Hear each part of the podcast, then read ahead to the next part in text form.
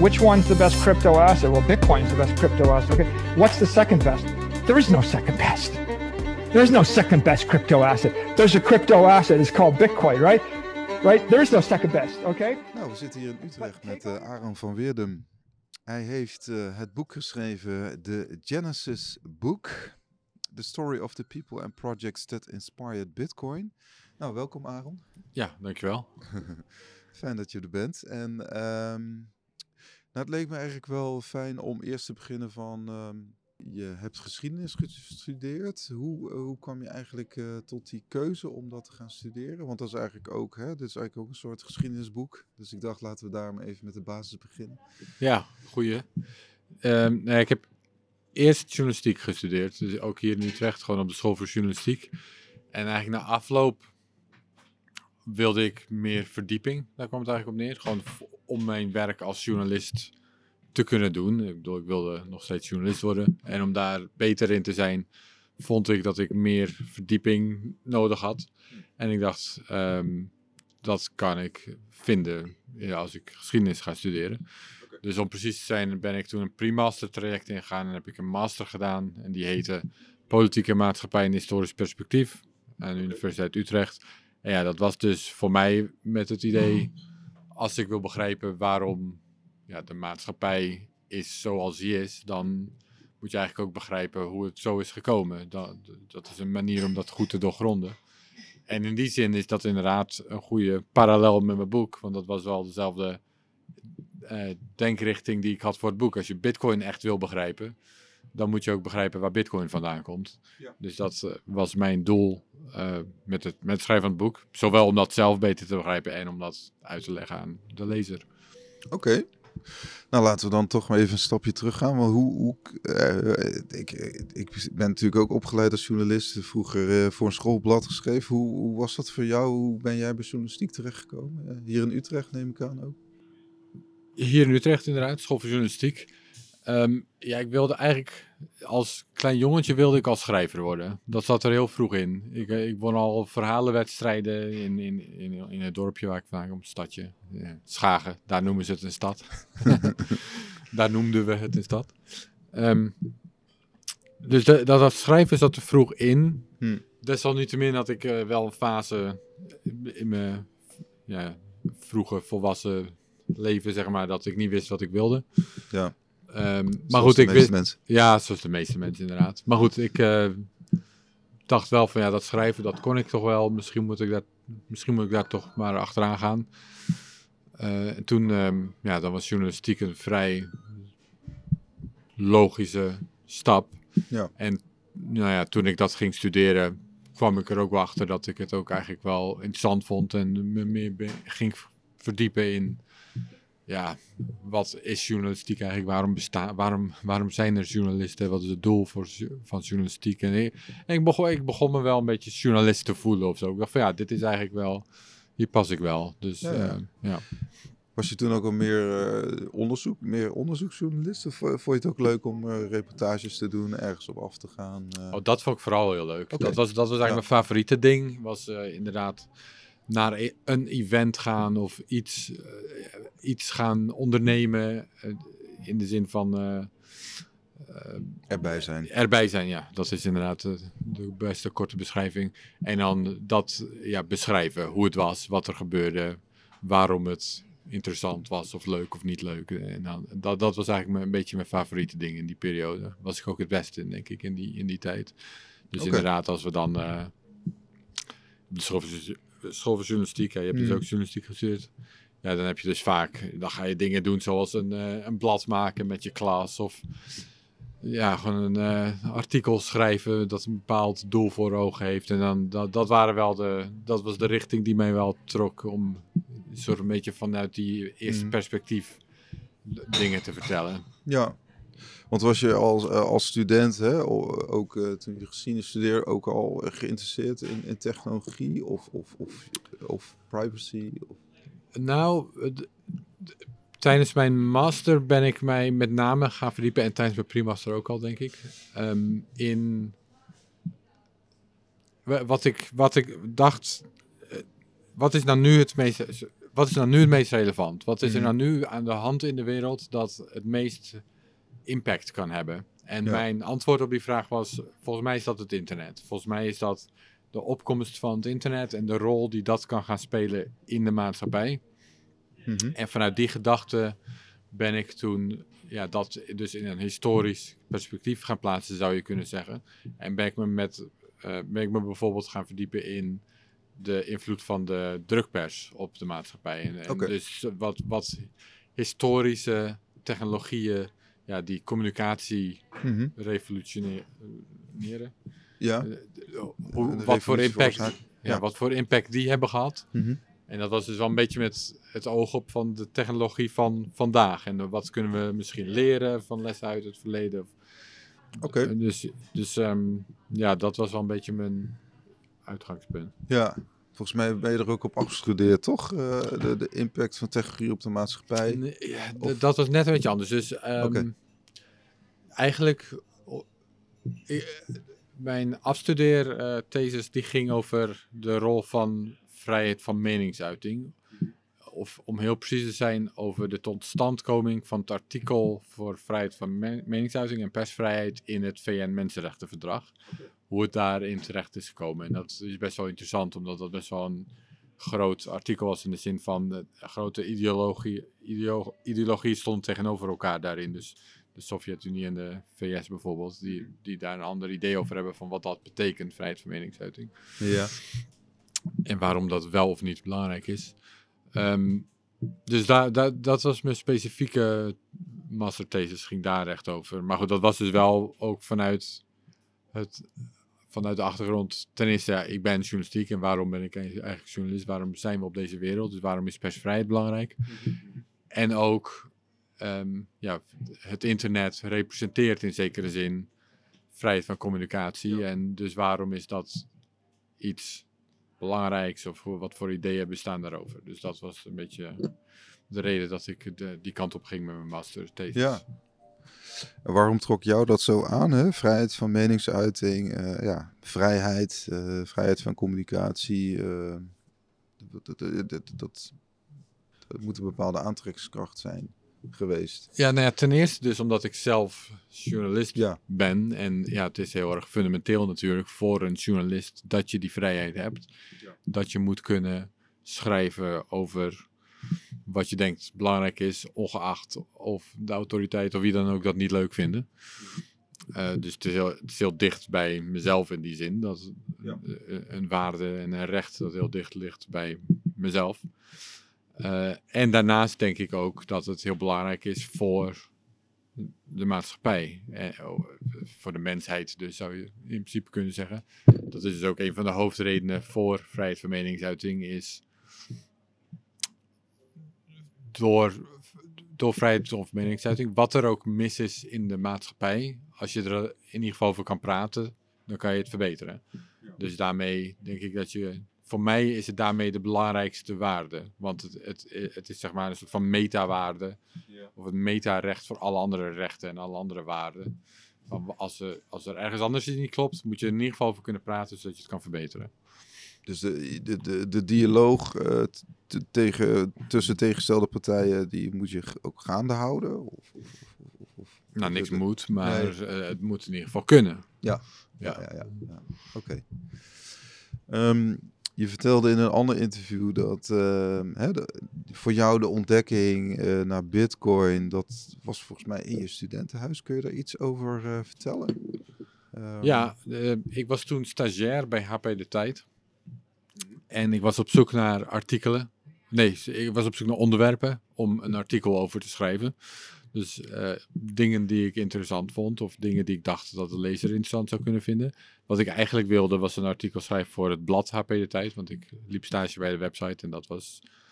Ik, ik zat daar niet eh, op mijn plaats, zeg maar. Ik moest daar stukjes schrijven die soort van kort en grappig waren. Een beetje quasi geen stijlachtig of zo. En, eh, Ja. en het paste niet echt bij me.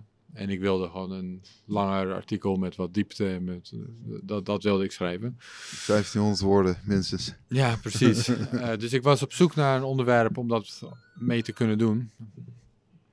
Ehm, En, de, eh, en wat ik daarmee bedoel is, ik, was, ik hield gewoon mijn ogen en open, mijn oog, oren en ogen open. En toen waren huisgenoten van mij, hier in Utrecht inderdaad, in, in ons studentenhuis waar ik nog woonde, die waren dingen van de Silk Road aan het bestellen. Ja, ja. En dat klonk voor mij heel interessant. Ik dacht, nou, dat is wel een, eh, dat, eh, dat is wel, weet je wel, dat, dat, dat is een spannend gebied, zeg maar. Dat, dat, mag, dat mag eigenlijk niet en dat ehm, is nieuw en ze gebruiken daarvoor een technologie en dat, dat kan als gevaarlijk worden gezien, maar het is ook wel weer, ik bedoel, ik ben niet anti-drugs, in ieder geval, ik vind in ieder geval dat drugs legaal zou moeten zijn, persoonlijk. Mhm, mhm. Ehm, Hoe, hoe oud was je toen ongeveer? eh? waar hebben we het over? eh? eh, even denken hoor.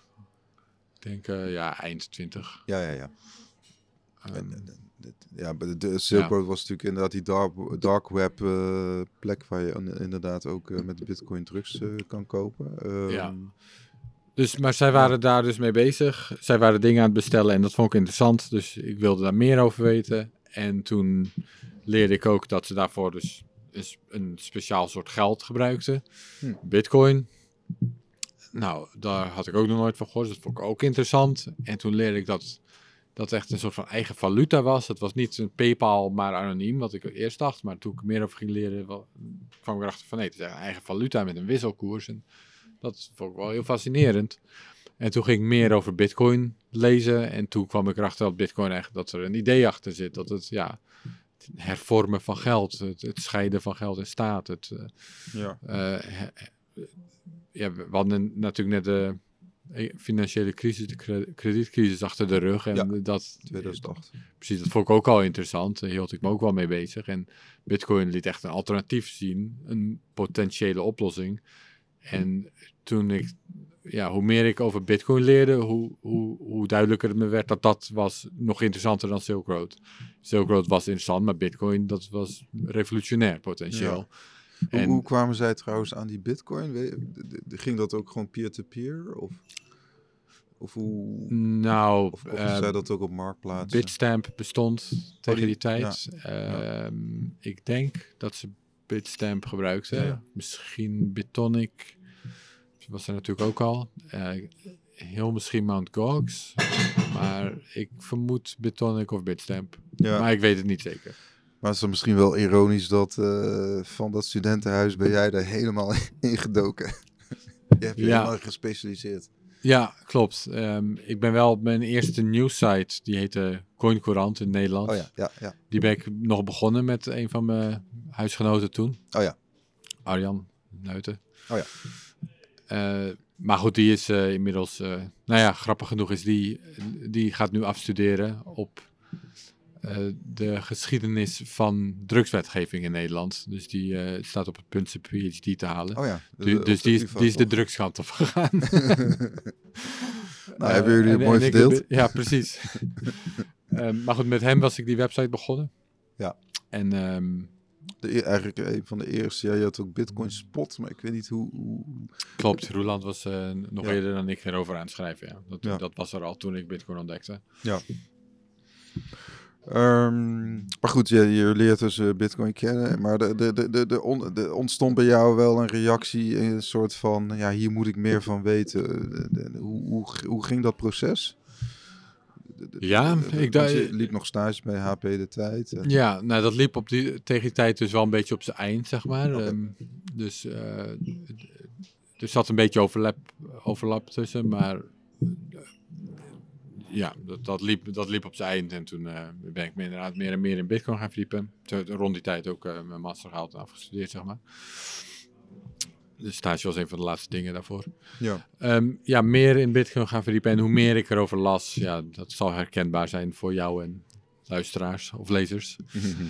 Ehm, ja, hoe meer ik erover las, hoe interessanter het eigenlijk voor me werd. En hoe sterker de drang werd om er nog meer over te lezen en leren. Eh, en rond die tijd. Te- toen dacht ik van nou, ik wil hier toch wel een artikel over schrijven. Al is Ja. het niet voor HP de tijd, misschien voor een ander, voor, voor een ander medium. Eh, heb ik ook nog wel een paar, eh, volgens mij, eh, e-mails verzonden of ze geïnteresseerd waren. Voor mij sowieso aan de correspondent, wat toen net nieuw was. Oh ja. En ehm, misschien ook gewoon aan de Groene of Volkskrant, ik weet het niet meer precies. Maar, Maar ik een heb, gemiste kans, hè? Want ze hadden een correspondent van Bitcoin kunnen aantrekken. dat, dat was precies mijn voorstel, ja. Ja. Ik wil correspondent Bitcoin worden, zijn jullie daarin geïnteresseerd? Nou ja, dat waren ze dus niet. Geen antwoord Nee. gekregen. Steltje Kenianisten. Ehm, Ja. eh, en toen besloot ik om, eh, om het zelf te gaan publiceren. Dus toen ben ik als eerst ben ik een Bitcoin blog begonnen. Die heette Bankless Blog. Oké. En daarin ben ik artikelen over Bitcoin gaan publiceren. En specifiek, dat was dus wat, dat, wilde ik eigenlijk net zeggen. Rond de tijd dat ik een artikel wilde schrijven over Bitcoin, begon Bitcoin ook net een beetje in de mainstream te komen. Het was net het eerste artikel op, weet je wel, NOS. Net, net het eerste artikel in de Volkskrant. Maar die artikelen waren, Ja. Die, ja, maar die artikelen waren heel negatief over Bitcoin. Hmm. Weet je het was een bubbel van ene en nullen. Dat was voor mij een letterlijke eh, kop die ik me nog kan herinneren. En ehm, weet je wel, tulpenbollen en alleen goed voor criminelen. En allemaal dat, dat was de, het Alle narratief. deuren, ja. En toen ben ik dus met mijn blog eigenlijk dat het, het andere perspectief gaan laten zien. Van nee, dit is waarom het geen piramidespel is. Of dit is waarom het wel interessant is. En dat eh, heb ik een serie blogs geschreven. Ja, dat was in het najaar van 2013 volgens mij. Want Klopt. Dat, dat, is, eh, hè, dat liep ongeveer tegelijk met eh, tien jaar geleden met de lancering van dit boek. Ja, dat klopt inderdaad. Ja, Ja, ja, ja, ja, ja. Dus dat eh, was vrijwel precies tien jaar geleden. En toen eh, ben ik begin 2014 ben ik Coincourant begonnen. Hm. En dat heb ik nou, iets meer dan een jaar gedaan. En na dat jaar begon ik eh, met... Toen ik Coincourant deed, op het begin staan met Arjan, daarna nog een tijdje alleen doorgaan. Toen ben ik ook begonnen te freelancen voor internationale publicaties, eh, zoals Coindesk, Bitcoin Magazine. Cointelegraph. En op een gegeven moment ja, besloot ik dat mijn tijd en energie beter besteed was om eh, volledig daarop in te zetten. Ja. En eh Coinkrant nou ja, te sluiten. En je ging publiceren in het Engels. Was dat ook nog een, eh, even een eh, stapje? Of was je dat al gewend vanuit je studie? Of? Nou, tijdens mijn studie ehm, aan de universiteit, dus met name, moest ik dat voor het eerst doen, artikelen in het Engels schrijven. Ja. En ik weet nog goed dat ik toen tegen mijn docent zei, ehm, ja, ik wil journalist worden. Mijn doel is om journalist te worden. Dus eigenlijk zou ik liever in Nederland schrijven, omdat ik dan, dan ik wil ook oefenen, ik wil beter worden in schrijven. Dus voor mij is het dan een soort van een dubbele oefening. Ja. En mijn Engels is sowieso wel goed, maar ik zou graag in het Nederlands schrijven als dat, eh, voor, om die reden. Had je ook een Engelse, iets van Engelse achtergrond? Of? Eh, ja, ik ben eh, half Engels. Oh, Eh, maar mijn, ik ben wel in Nederlands, eh, Nederlandstalig opgegroeid. Ja, ja, Eh, oké. Mijn vader is Engels, maar die eh, is in Engeland ge- gebleven toen mijn moeder en ik en mijn zus naar Nederland gingen. Dus, je hebt ook Dus ik ben niet echt tweetalig. Dus. Ja, Ja, ja. maar ik ben niet eh, tweetalig opgevoed, maar wel altijd een stapje voor gehad met Engels eh, op, op leeftijdsgenoten, zeg maar. En zo. ja. Ik was wel altijd, eh, het kwam enigszins natuurlijk gewoon van, omdat het, het was wel mijn eerste taal toen ik nog heel jong was. Heb je ooit nog co- contact eh, met je vader? Of is Ja, eh, wel. Ik heb, eh, Ja, ja. ik heb contact met hem. Ja. Eh, eh, ja. Ehm, de, maar dat is dus, ja, dus eigenlijk was mijn verzoek toen van, ja, zou ik in het Nederlands mogen schrijven? Want ik, ik ging er totaal van uit dat als ik journalist word, dan word ik journalist in het Nederlands. Want Hm. mijn Engels is wel goed, maar ook weer niet zo goed dat ik dan eh, kan, kan concurreren met eh, journalisten van, weet je wel, de New York Times of zo. Om de het, natives? ja, precies. Dat, zo goed is mijn Engels ook weer niet. Dus, dus ik ging er totaal van uit dat als ik journalist word, dan word ik Nederlandstalig journalist. Ehm, nou ja, en toen... ehm, maar goed, mijn, des- mijn docent toen zei van nee, doe het maar wel in het Engels. Het is gewoon goede training om dat te doen. Dus eh, nou ja, oké, dan ben ik het in het Engels gaan doen. En daar ben ik hem achteraf dus heel blij, Ja. eh, blij mee, want dat was wel echt goede training. Wat eh, van pas is gekomen toen ik daadwerkelijk in het Engels journalist ben geworden. Ja. Ja, ja, ja. En ja, toch wel uitgegroeid tot, tot misschien wel de belangrijkste Bitcoin-journalist ter wereld. Volgens sommigen. Hoe ga je ja, om met mensen dat zeggen soort, dat wel eens, Hoe ja. ga je daarmee om met dat soort... eh, Ondertussen heb ik hier een beetje een kraakstoel. Ehm, hoe ga ik daarmee om? Het is altijd leuk om eh, complimenten te horen. Ehm, hoe ga ik daarmee om? Het is altijd leuk om complimenten te horen. Dat, ja, ik weet niet wat ik er verder over moet zeggen. Nee, precies. Nou, eigenlijk is de cirkel rond. Hè? Tien, tien jaar geleden uh, schreef je eerste blogpost over, ehm, over Bitcoin. En nu, nu ligt er een boek, de Genesis boek. Uh, misschien toch even de basisvraag is natuurlijk van, ja, wat is de aanleiding uh, om dit boek te schrijven? Ja. Want dat... De, aan, de aanleiding is, de, de persoonlijke aanleiding is, ik werkte als Bitcoin-journalist en de block size war um, gebeurde. En daar schreef ik heel veel over. En dat was eigenlijk een beetje mijn hoofdonderwerp. Ik schreef af en toe over andere Bitcoin gerelateerde dingen. Maar de block size war was wel een beetje de rode draad door mijn werk voor een paar jaar. En op een gegeven moment was die block size war over. En dat was positief, dat is goed. Maar tegelijkertijd als ja, war reporter, als journalist die daarover schreef, voelde het een beetje alsof ik zonder werk was komen te zitten. Ja, ja. Nogmaals, er waren natuurlijk ook wel andere dingetjes waar ik over schreef, maar de rode draad was ineens weg. Dus um, ja. Je, je volgde dat heel intensief voor bitcoinmagazine.com, hè? Ja, klopt. Ja. Dus toen um, had ik het, ja, toen dacht ik dan, ik heb een nieuw onderwerp nodig, ik heb een nieuw project nodig, ik heb een nieuw, ja, um, nieuwe rode draad nodig eh, voor de komende periode. En toen, zoals ik zei, toen kwam ik eigenlijk met het idee om uh, een boek te schrijven. Ik wilde sowieso altijd al een boek schrijven. En er waren twee Waarom? opties. Waarom eigenlijk? Sorry. Ja, sinds kind af aan wilde ik als schrijver zijn. Ja, ja, ja. Dan ja. is een boek soort van de, wat je doet als schrijver. Bekroning. ja, ja, Ja. inderdaad. Ehm, er waren eigenlijk twee onderwerpen waar ik aan zat te denken. Eentje was een boek over de block size war. Dus eh, nadat ik het zo intensief had, eh, een verslag had gedaan, wilde ik het dan nu in een boek gaan vertellen. Ehm, en de andere optie was om de voorgeschiedenis van Bitcoin te vertellen. De reden dat ik uiteindelijk het Block Size War boek niet ben gaan schrijven, of nog niet, wellicht dat er nog een dag komt dat ik dat nog wil doen. Ehm, maar in ieder geval op dat moment dacht ik, nee, dit is nog te vers. Ten eerste heb ik, wil ik zelf misschien even iets anders. Ja. En ten tweede, omdat ik zo engaged was in die oorlog zelf, heb ik ook zelf wel, nou ja, tussen aanhalingstekens, vijanden gemaakt. Of mensen die ja, niet blij met, waren met mijn werk.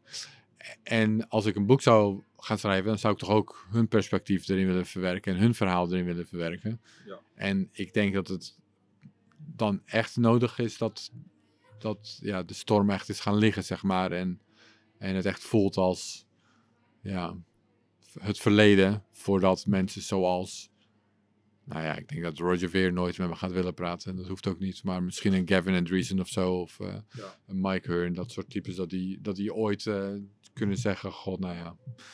Laten we de, het verleden het verleden laten. En uh, laten we er eens gewoon goed over praten, zeg maar. Um, dus, Dat- maar goed. dus dat, ik dacht, dat wil ik nu niet doen. Misschien Nee. ooit. Maar, en toen dacht ik, nee, dan ga ik dus voor de andere optie. Dan ga ik voor de voorgeschiedenis van Bitcoin. En voor de reden die ik eerder zei. Ik denk dat het een goede manier is om Bitcoin zelf te begrijpen. Oké. Heel even terug, maar ik, ik raakte een beetje getriggerd door het woord geëngageerd. Is, is dat ook nog een lastige balans, balans te vinden tussen hè, eh, wat men dan altijd zegt, eh, onafhankelijkheid en engagement? Als je, als je zo'n topic heel eh, intensief volgt, kan ik me ook voorstellen dat je op de duur misschien ja, meer sympathie gaat voelen voor de ene partij. Oh, absoluut. Maar daar was ik ook heel eerlijk over. Oké. Ehm, ik, ehm, ja, op een gegeven moment werd het voor mij duidelijk ja, welke kant van het debat eigenlijk gelijk had, waar de waarheid lag. En ik vind dat mijn rol als journalistiek is om de waarheid, als journalist is om de waarheid te vertellen. In ieder geval de waarheid zoals ik hem zie. En daar ook vervolgens dan eerlijk over ben tegen de lezer. Van dit, dit is hoe ik het zie, dit is hoe ik erin sta. Ja. Ehm, dus dan kun je mijn artikel ja, door die bril lezen. Maar ik denk dat heel veel dingen die ik schreef ook, ja, dat, dat ja, denk, denk ik, kwam echt neer op, ja, hoe moet ik dat zeggen, s- soort van analyse. Of, ja, Mhm. Dus je kan gewoon een analyse volgen en je kan je eigen conclusie, je kan zelf volgen of mijn analyse klopt of niet. Daarvoor hoef je mij niet te vertrouwen per se. Dus ik, Ja. ik, ik leg iets uit en je moet, als het goed is kan je de denkstappen volgen. Ja. Dus, ehm, maar goed, die, die analyse kwam vaak uit op ja, de een kant van het debat heeft hij meer gelijk dan de ander. eh, En Ja. ja, dus, dus daarom zeg ik ook inderdaad, mensen die dan aan de andere kant van het debat stonden, ja, die vonden, die waren niet altijd even blij met me. Nee. Maar goed, ehm, Overigens dat- is de verteltrand in je boek is, eh, vind ik, eh, wel eh, ja, in die zin neutraal. Hè? Dus dat is in die zin ja, een andere verteltrand wat dat betreft. Ja, ehm, ja Of- het is natuurlijk ook minder controversieel, denk ik, wat ik in mijn boek schrijf. Dus het is minder het geval dat er twee totaal verschillende perspectieven zijn, voor zover ik weet in ieder geval. Eh, ik heb ook veel hoofdstukken natuurlijk laten lezen door de mensen waar het over gaat. Feedback daarop gekregen en dat soort dingen. Ja. Ehm, dus ja, maar ehm, ik geloof niet zo heel erg in ehm, wat Tim May een keer brain tennis journalistiek heeft genoemd. Mhm. Eh, ik geloof dat dat de term was die hij gebruikte. En dat is dat je, dat je gewoon twee kanten van een debat hebt. En je, je, je zet ze gewoon naast elkaar en eh, zoek het maar uit als, eh, als lezer. Ik denk dat je als journalist, journalist ook best wel de taak op je mag nemen om erachter te komen wie hier nou gelijk heeft. En dat is wel een taak die ik op me wilde nemen en, en dat ik wel geprobeerd heb te doen. En daar vervolgens dan aan de lezer uitleggen van waarom, waarom houdt dit argument meer steek? Waarom is dit argument meer steekhoudend dan het andere Ja. argument? Dus ja. Oké. Maar eigenlijk begin je dus met een, hè, je kiest ervoor om de voorgeschiedenis van Bitcoin te gaan beschrijven. ehm, en dan, ja, je ja, waar begin je dan? Hè? Dus de, je zei ook, ik wil een zo goed mogelijk boek schrijven over Bitcoin. Ik zie het als een soort verantwoordelijkheid om de ontstaansgeschiedenis van Bitcoin te beschrijven. Dus toen dacht ik, oh, hij heeft ook misschien nog wel een soort ja, bewijsdrang. Of eh, dat je in ieder geval iets nog wilde bewijzen. Voor mezelf? Ja, misschien wel. Als je een boek gaat schrijven, dan heb je natuurlijk sowieso wel een bepaalde bewijsdrang. Ja, waarschijnlijk is het wel. eh, waarschijnlijk wel. Ehm, er zit ongetwijfeld een eh, ego-aspect aan. Maar ook eh, ja, voor mezelf bewijzen dat ik dat kan. Ehm, nogmaals, het is iets waarvan ik, wat ik eigenlijk als kind af aan al wilde. En ik zie het inderdaad als eigenlijk het hoogst haalbare als schrijvend journalist. Mhm, o- om, om dan een boek te schrijven. Ja. Dat, ja, dat, dat zie ik wel inderdaad als kroon op mijn werk, zoals jij het beschreef. Of ja, een beetje. Nou ja, ik, noem- ik noemde eerder natuurlijk. Bij HP Tijd moest ik van die columnachtige, grappigachtige, korte stukjes schrijven. Van die geen stijlachtige stukjes. Ja. Bij Bitcoin zijn dan van die wekelijkse artikelen. Ja, je hebt allerlei verschillende vormen waarin je schrijvend journalist kunt zijn. En voor mij Hm. ja, is een boek eigenlijk een beetje het, eh, Ja, het, het, het optimum, het hoogst haalbare in die categorie. Dus ook een in- stuk lastiger lijkt me. hè. Eh, Nou, dat was een behoorlijke uitdaging, kan ik, kan Ja. ik, kan ik eh, confirmen, inderdaad. Ja, want, ja, want eigenlijk je omschrijft het als een soort, ja, in, in je eigen woorden als een hel. Met ups en downs, hoop ik. Ja, maar goed, meer downs dan ups in ieder geval. Nou ja, la- eh, dus eerst, ja, kijk, eerst een fase dat ik niet weet waar ik überhaupt moet beginnen en wat het moet gaan worden. En eh, ik bedoel, wel wat aanknopingspunten, maar echt een soort van geen, geen goed idee. En dat heeft echt wel een tijd geduurd dat ik dacht, ja, dat, dat het echt totaal onzeker was of ik überhaupt een boek ging schrijven, zeg maar. Dat ik wel zei dat Ja. ik dat aan het doen was, maar ja, dat het nog zo ver weg voelde dat ik echt niet wist of, ik, of, het, of het echt zo ging zijn, zeg maar. Ja. Nou ja, op een gegeven moment, eh, ja, dan toch maar gaan schrijven. En eh, zeg maar drafts van hoofdstukken en uiteindelijk het hele boek geschreven dat ja, eigenlijk gewoon slecht was. Hmm. Ehm, Dat vond je zelf. dat vond ik in ieder geval zelf, ja. Je, let, je legt de lat wel hoog. Ja, misschien. Maar dat is goed toch, als dat zo is? Ja, nee. Ehm, maar in ieder geval, ja, eh, versies geschreven die ik zelf nou ja, ronduit slecht vond. Ehm, en, maar dat, dat, dat ben ik dan gaan bijschaven en gaan verbeteren. En sommige hoofdstukken totaal weggegooid en hele- helemaal opnieuw geschreven. Sommige hoofdstukken ja, heel zwaar herschreven. Sommige hoofdstukken misschien wat minder zwaar. Eh, de structuur van het boek blijven aanpassen. Ja, dan, ja, dan wordt het echt eh, ja, kleien en beeldhouden, zeg maar. eh. Mhm. Dus dat heeft dan nog een hele tijd geduurd. Van slechte first draft naar iets wat ergens begint te lijken. En toen op een gegeven moment ehm, ben ik het aan mensen gaan laten lezen. Met name dus bijvoorbeeld eh Pete Rizzo. Ja, bekende Die- journalist ook. Ja, Ja, Die, die vrij vroeg, eh, relatief vroeg in het proces, maar goed, nog steeds een paar jaar geleden. Of eh, dat toen ik er al een paar jaar mee bezig was. is gaan lezen en toen is hij, hij heeft me feedback gegeven en op basis daarvan weer doorgaan. Nou ja, en uiteindelijk, uiteindelijk heb ik het open source gemaakt. Ja. Op het punt dat ik me er relatief comfortabel over voelde. Het gevoel had Tijdens eh, Miami 2023. hè? ja, dat ik dacht van nou, dit is iets wat ik wel aan mensen durf te laten lezen, zeg maar. Dat was een bewuste keus eh, om dat te doen. Uiteraard was het een bewuste keuze, ja. En Dat, en het idee was, ehm, het, het past heel erg bij Bitcoin. Het Ja. past heel erg bij mij. Ehm, ik denk dat ik in het, in het boek zelf beschrijf ik waarom open source, nou, free software, maar open source eh, tot goed resultaat kan leiden, of tot het beste resultaat in principe. Eh, dus dat dacht ik, ja, dan is het eigenlijk gek om het niet met mijn eigen boek ook zo te doen. En eh, ergens een gevoel van verantwoordelijkheid in de zin van, ja, ik schrijf soort van de ontstaansgeschiedenis van Bitcoin. Ik kan niet eens aan Satoshi Nakamoto vragen, weet je wel, wat zijn verhaal is of Nee, hoe hij erover nee. denkt. Dus laat ik het dan op zijn minst ja, aan de community vragen van, nou, wat heb ik iets gemist? Staat er iets in dat niet klopt?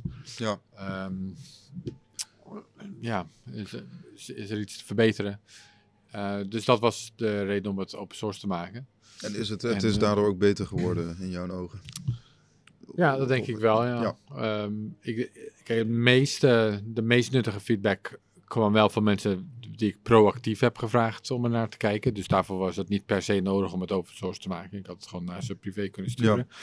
Desalniettemin ook, eh, ja, er waren best wel wat eh, gewoon open source contributors die heel erg hebben geholpen. En leuke Hm. daarvan is ook, denk ik, vooral Joke in Boek. Die is gaan helpen met mijn boek editen, eh, vrijwillig, zeg maar. Oké. En ik vond dat hij zo goed bezig was. En ik, had ook, ik wilde sowieso het boek ook nog door een echte editor laten editen. dat wilde mijn uitgever ook, Bitcoin Magazine. En omdat Joachim zo goed bezig was. En ook Jo- ehm, Lynn Alden's boek heeft geëdit, Broken Money. Eh, heb ik toen eh, aan hem gevraagd, goh, wil je gewoon eh, mijn editor worden? En ik denk dat hij een heel goede, dat heeft hij heel goed gedaan. Ja.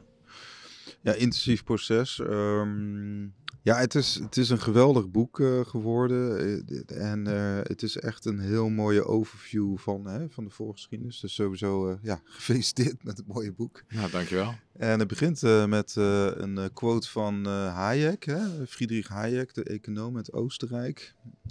En eigenlijk zie je dat hij continu ook wel terugkomt hè, in, het, in het boek. Ja. Waar, waarom is hij eigenlijk zo belangrijk? Ook voor de totstandkoming van Bitcoin. Ja, nou toen ik het boek begon te schrijven, zoals ik net al zei, Ja. eh, geen idee waar ik moet beginnen, et cetera. Ehm, ik eh, kwam wel al vrij snel op het spoor van Hayek. Ik ben mijn boek begonnen te schrijven in Milaan, bij eh, BHB, wat Giacomo en meer toen aan het runnen waren. De coworking space incubator in Milaan. Ah, En ehm, toen vrij snel sprak ik met een Milanese bitcoiner, zei ik dat ik van plan was dit boek te gaan schrijven. En die zei toen meteen, eh, ah, oké, dus dan ga je ook over Hayek iets schrijven. Dus, eh, dus ja, oh, moet, zou, moet dat? Eh, moet ik Hayek erin verwerken? Ja. Nou, en, en toen zei hij, nou, je moet, zou de Denationalization of Money eens moeten lezen. Ik dacht, Oké, nou ga ik dat eens doen. Ik denk dat ik er wel eens van had gehoord. En ik had gerust ook van Hayek gehoord. Maar Ehm, ja, toen ben ik dat, dat gaan lezen, dus ben ik het werk van Hayek gaan lezen. En toen ben ik daarna nog meer werk van Hayek gaan lezen, over de jaren heen eigenlijk. Oké. En ja, gaandeweg kwam ik erachter hoe relevant en belangrijk Hayek is voor, of is geweest voor ja, de mensen die met digital currency bezig waren en, en hoe zijn ideeën eigenlijk dus een inspiratie waren en, en een invloed waren op ja, cypherpunks onder andere en, Ja. en, en, ehm, ja, in die voorgeschiedenis van bitcoin. Ja, er zijn, eh, Hayek heeft dus meerdere ideeën die heel relevant zijn voor bitcoin, denk Mhm. ik. Dus één heel relevant idee is eh, het idee van spontaneous order. Ja. Dus hoe ja, eigenlijk individuen die een eh, self-interest handelen, toch een vorm van ja, orde kunnen schapen met z'n allen. Ja. Dus taal is daarvan een mooi voorbeeld. We- Mhm. niemand wordt gedwongen om een bepaalde taal te spreken of om bepaalde grammatica-regels te gebruiken. Ja. Dus die regels bestaan, maar die zijn niet van bovenaf, van bovenaf ontworpen. Die zijn ja, gewoon emerged doordat mensen met elkaar willen communiceren en ja, settelen op bepaalde regels. Ja. Een ander leuk voorbeeld is ehm, soms als, als ergens geen stoep is waar mensen wel willen lopen, dan, dan, dan krijg je van die eh, padjes. Ja, ja, die hazenpaadjes. ja, die ha hazenpaadjes. Ja. En daardoor worden die paden weer makkelijker om op te lopen en gaan dus meer mensen weer op lopen. Dus dan Ja. de, op die manier ontstaan er paden Ja. zonder dat dat van bovenaf zo is bedacht. Ja. Nou ja, en dat zie je dus op allerlei plekken in de maatschappij. En, en eigenlijk een van de overkoepelende ideeën is dat ik denk dat je zou bitcoin in die context kunnen zien. ja. Dus de Zonder bemoeienis van de centrale partij. ja, precies. Ehm, dus de Bitcoin-regels, ja, het is iets. Kijk, Satoshi heeft natuurlijk het begin gemaakt, maar uiteindelijk iedereen gebruikt die regels vrijwillig en die regels kunnen ook veranderen. En die zijn ook veranderd. Ja. Ehm, En even om het in context te plaatsen, Hayek is in 1899 geboren. Hè? De- de- volgens mij, eh, een aantal van zijn werken zijn echt eh, 100 jaar geleden, hè? jaren 30, eh, eh, vorige eeuw. Dus het- toch, ja, toch eh, ja, bizar dat, het, dat we het, eh, ja, het- het- hij heeft de tanden tij- destijds behoorlijk eh, doorstaan. ja, inderdaad. Dat het- Ja, maar en, nou ja, goed, je zou dus kunnen zeggen als, als Bitcoin. de- ja, eigenlijk een beetje het punt dat ik maak in mijn boek, een van de punten, maar wel een eh, groot punt misschien in zekere zin, is dat geld over de jaren is een top-down institutie geworden, ja, die totaal van bovenaf en centraal geleid wordt. En Bitcoin representeert een bottom-up emergent alternatief, dus een soort van spontaneous order alternatief. En dat is voor mij een soort van de essentie van wat Bitcoin misschien wel representeert. ja, Dus dat is een heel erg Hayekiaans idee. Maar ook concreter heeft Hayek geschreven over geld en hoe geld eruit zou moeten zien. En dus inderdaad de denationalization of money, dus de scheiding van markt, eh, van staat en geld. ja, En de- uiteindelijk zelfs de manier waarop dat gerealiseerd zou kunnen worden, namelijk door iets te creëren dat de overheid niet kan stoppen. ja, En dat zijn allerlei, dat zijn allemaal ideeën die ja, echt in, in, in het DNA van Bitcoin zitten. En je kan ook zien, wat ik ook in mijn boek laat zien, hopelijk, is dus dat veel van die mensen die met digital cash bezig waren, of die dat probeerden te creë- creëren, zelf geïnspireerd waren door Hayek. Dus ja, ik denk dat de invloed van Hayek enorm is op de totstandkoming van Bitcoin. Dus Ja. vandaar dat ik zo'n grote rol heeft. Maar dat was niet mijn plan vooraf. Dat is echt iets wat over de jaren is gegroeid. oké. En, eh, Ja, want hij komt later in het boek ook nog best wel prominent terug, hè? Dus het- het- ja, hij het- komt op meerdere plekken in mijn ja. boek komt hij terug inderdaad. Ja, Het is dat eigenlijk klopt. een soort rode draad wat Ja. dat betreft, omdat je daarna ook weer koppelt aan Hayek. eh, de technologische ontwikkelingen koppel je ook weer terug. Of hun, de denkbeelden van cypherpunks koppel je weer terug aan Hayek. Ja. Dus ehm, oké. Ja, ik, ik ga toch even een beetje chronologisch, want het is, het is best wel een veelomvattend boek. Dus ik ga even enigszins chronologisch door, eh, door het boek heen.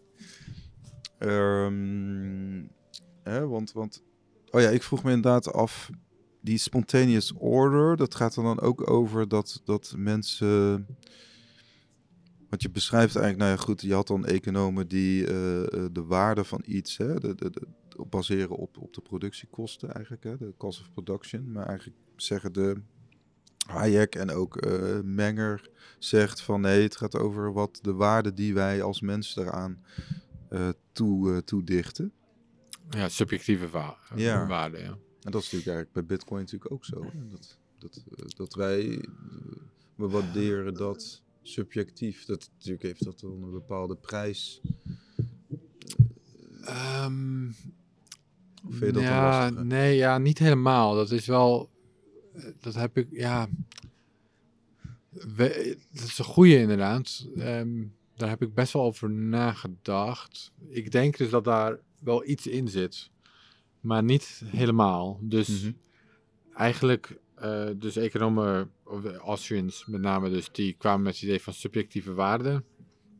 En dat dat eigenlijk een beetje de, drijf, de drijvende kracht is in de economie. Eh, en, maar geld heeft de gekke eigenschap dat het eigenlijk niet daaronder valt. Terwijl het wel deel is van elke transactie.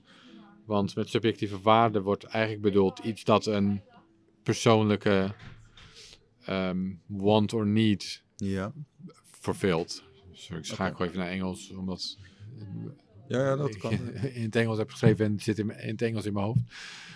Ehm, En dat kun je niet toepassen op geld. Dat is meer wat je met geld koopt. Precies, precies, dat is meer wat je met geld koopt. Dus geld, ja, geld heeft, geld representeert, representeert soort van die subjectieve waarde. Je wil niet het geld zelf, je wil wat je ermee kan kopen.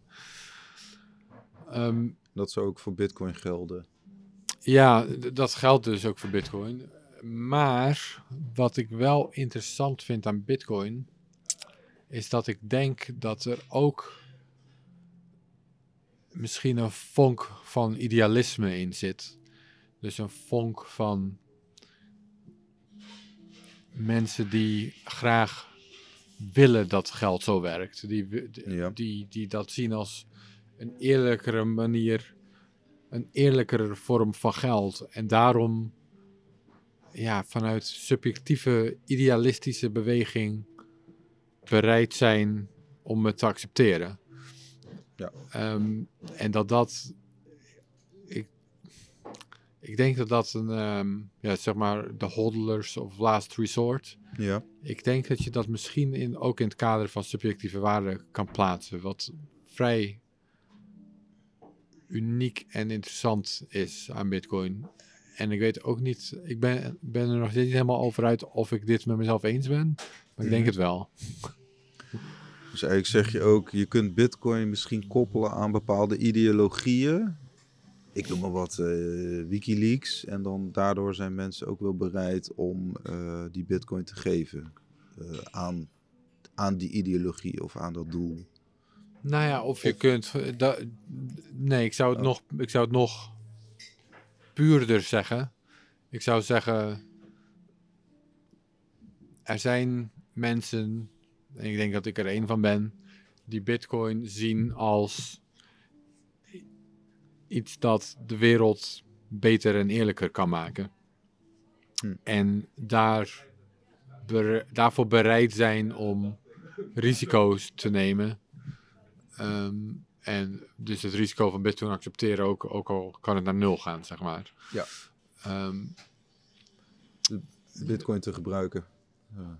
ja, de, de- of waarde te hechten aan Bitcoin. En, en Ja, De- of daar ze- zes jaar lang een boek over schrijven. Je hebt ervoor gekozen om die tijd daaraan te besteden. ja, nou ja, goed, eh, weet je wel, je,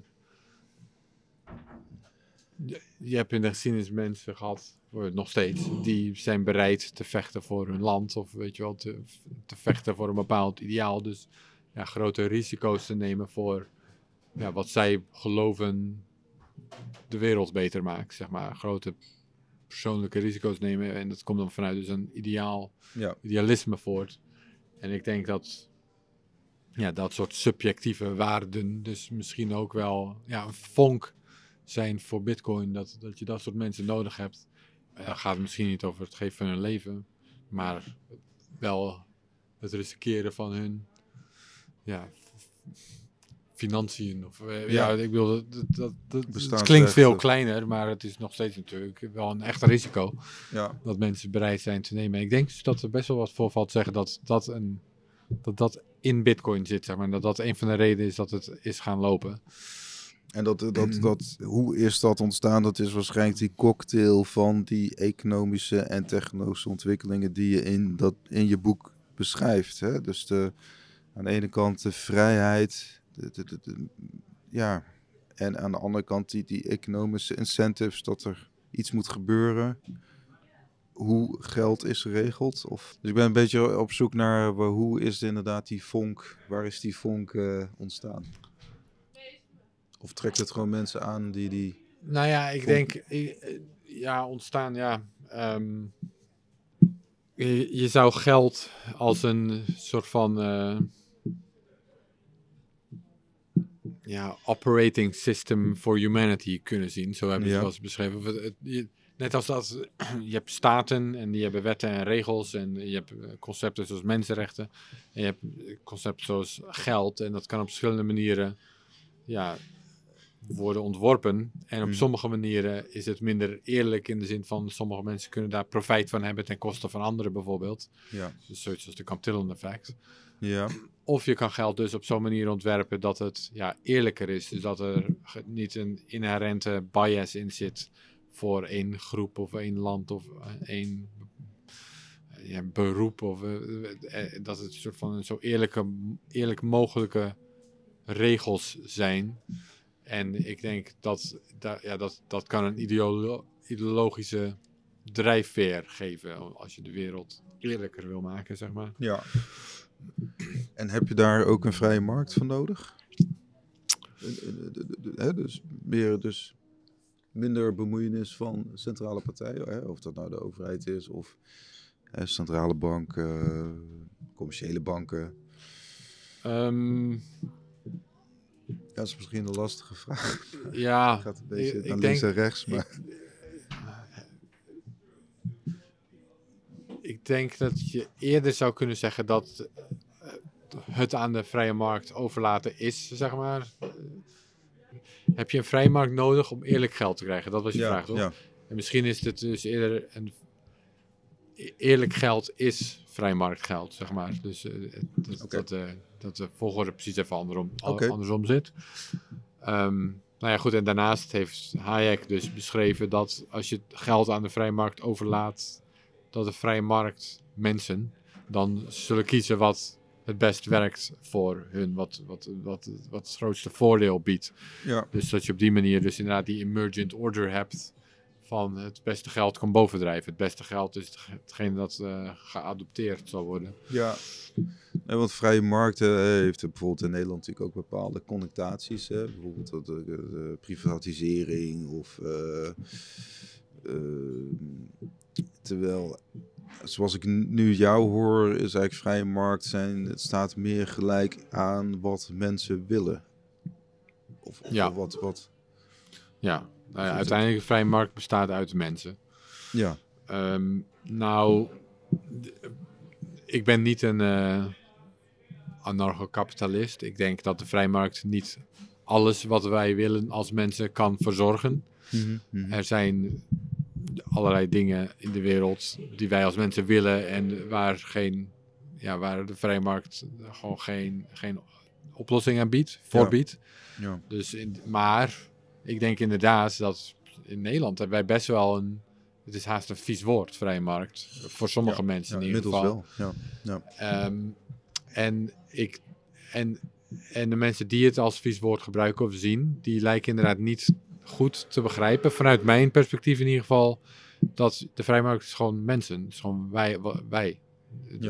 De- ja, net als dat democratie gewoon mensen is, gewoon wij, is de vrijmarkt ook. Het is, gewoon, het is gewoon een andere manier om wij, om ons, ja, eh, onszelf te organiseren, laten organiseren, zeg maar. Het Ja. ja.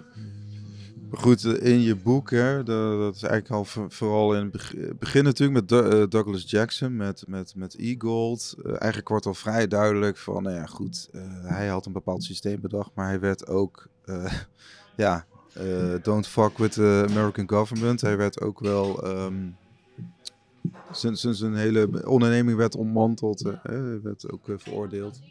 Dus je maakt ook wel vrij snel duidelijk van, nou ja, ehm, we kunnen veel tegenstand verwachten.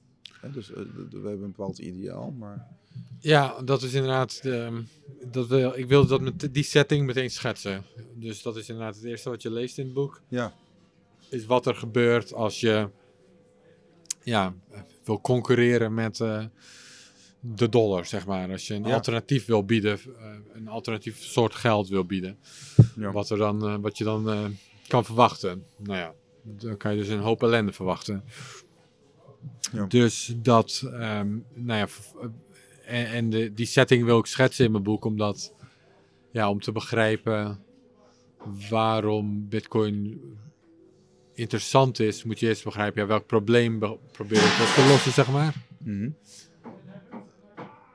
Ehm, Welk Of probleem, wel- welk of probleem wel- er is. ja, of welke uitdagingen, wat voor uitdaging het eigenlijk is om zoiets te doen. Ja. Om zoiets te realiseren. Dus ja, je moet eerst. eh, ik heb, ik heb een. eh, eh, is een analogie die ik soms al voor de grap gebruik. Is zeg maar. Het is een beetje de openingsscène van Star Wars. Ja, De originele Star Wars. Dat je eerst die Rebel Fleet even ziet. Of de, die Rebel Ship met eh, Prins Leia aan boord. En dan zie je meteen die grote Empire eh, Ja, ja, ja, ship komt meteen over, de camera Star heen. Wars 1. eh, Star, ja, Star Wars 4 in principe. ja, precies. Ja. Dus dat je meteen even ziet van wat de dreiging is. En Ja. dat is een beetje het idee van het eerste hoofdstuk, zeg maar. En het is natuurlijk een tragisch verhaal, want het is allemaal echt gebeurd. Maar dit, van dit is wat er kan gebeuren als je dit probeert. En waarom het dus interessant is dat er toch iemand is gelukt. En hoe dat dan is gebeurd. Hoe dat dan is gelukt. Ja. Ja, want eigenlijk, je gaf ook al, volgens mij was het in het interview met Bert de Groot ook aan van, ik, ik verwacht wel nog heel veel pushback hè, de komende jaren en decennia op, op Bitcoin. Ja, dat eh, verwacht ik zeker. Ehm, ik bedoel, Bitcoin representeert eh, ideeën die op, op dit moment heel erg impopulair zijn.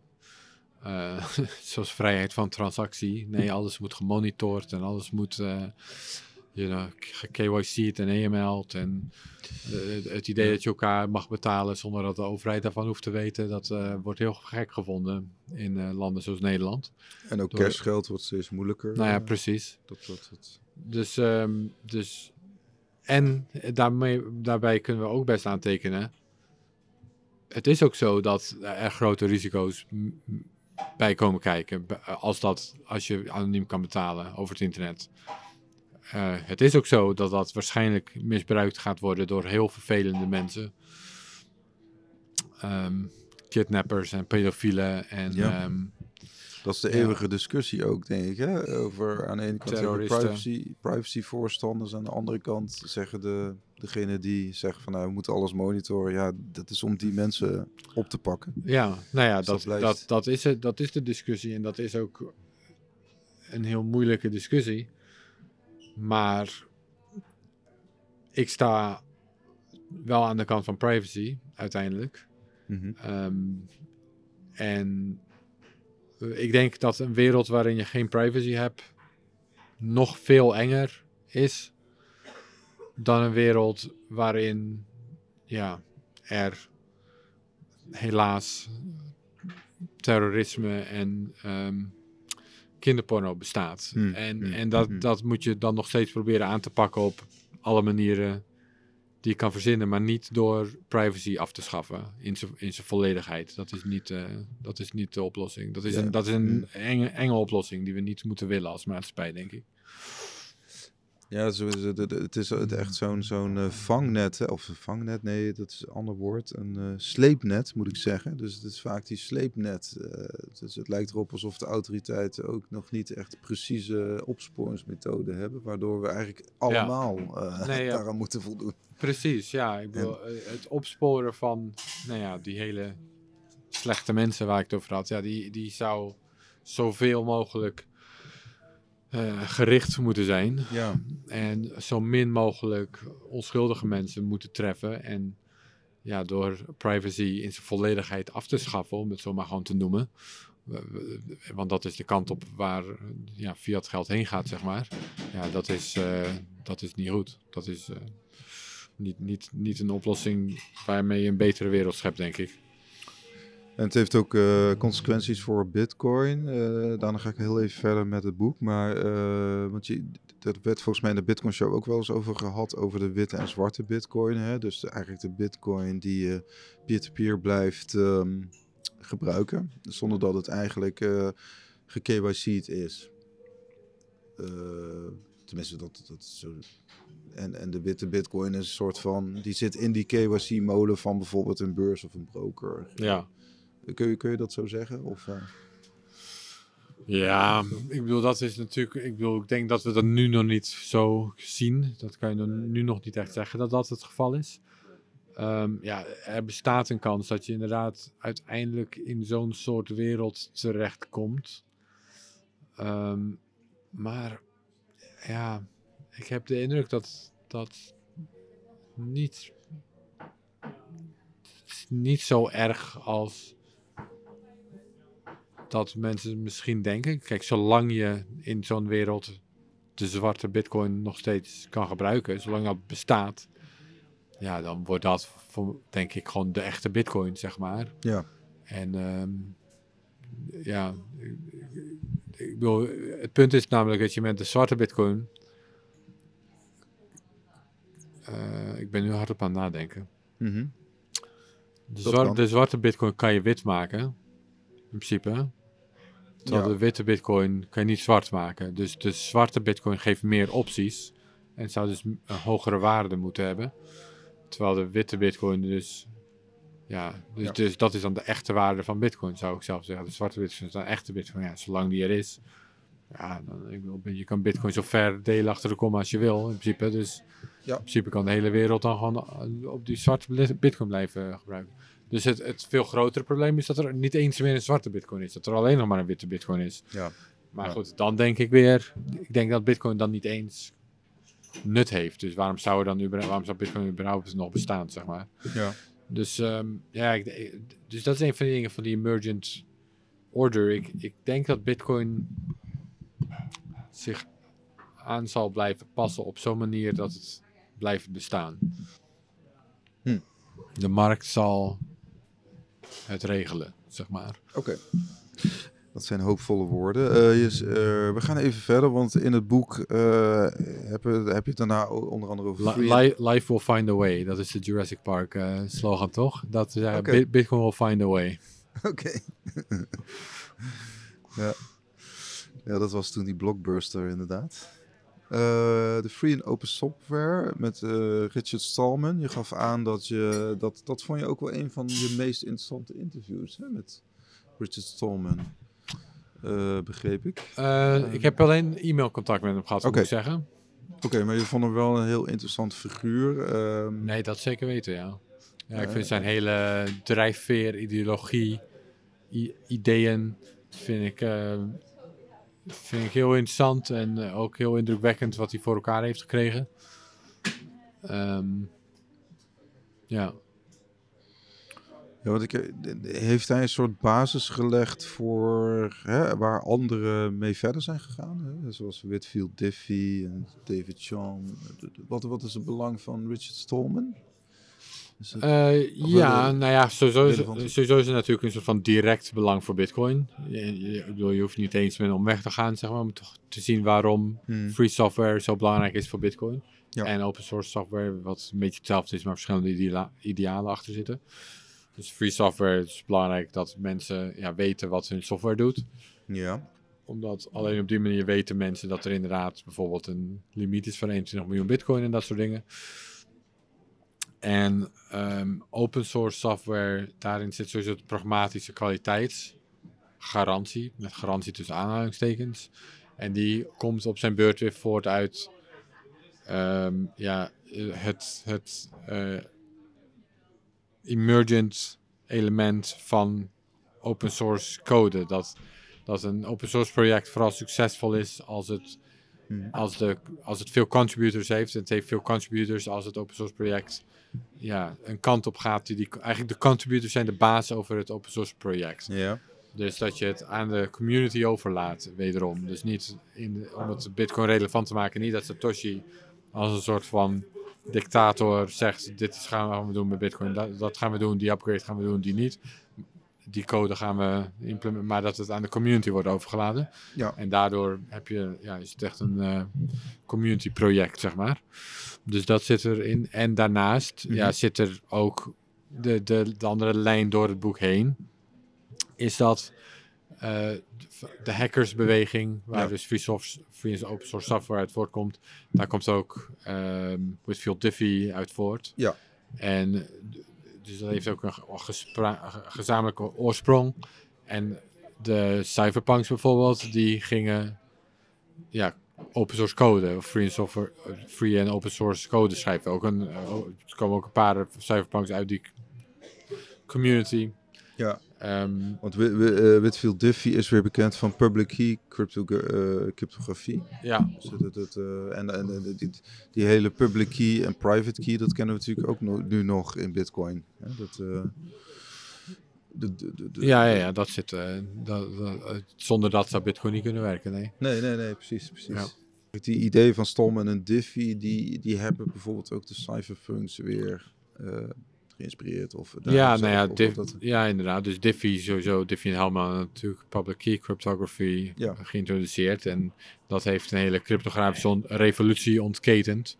En op basis van die cryptografische revolutie zijn toen op een gegeven moment de cypherpunks eh, gaan proberen om die dingen te realiseren. Ja. En in handen van de mensen te krijgen. En dat deden ze weer door free en open- open source software te schrijven Ja. en te verspreiden. En dan de, de, een van de eerste dingen was gewoon e-mails, hè, dus versleutelde e-mails, PGP. Ja, PGP. Ja. Ja. Dus Ja, en remailers. ehm, dus, eh, dus, dus dat je met PGP of met die vorm van cryptografie kan je inderdaad de inhoud van e-mails versleutelen. En dan met remailers kan je de afzender eh, verhullen, of de metadata dus. eh, die remailers was ook niet David Sharm daarmee bezig? Ben ik nu Ja, die, die had dat in principe eh, bedacht, remailers.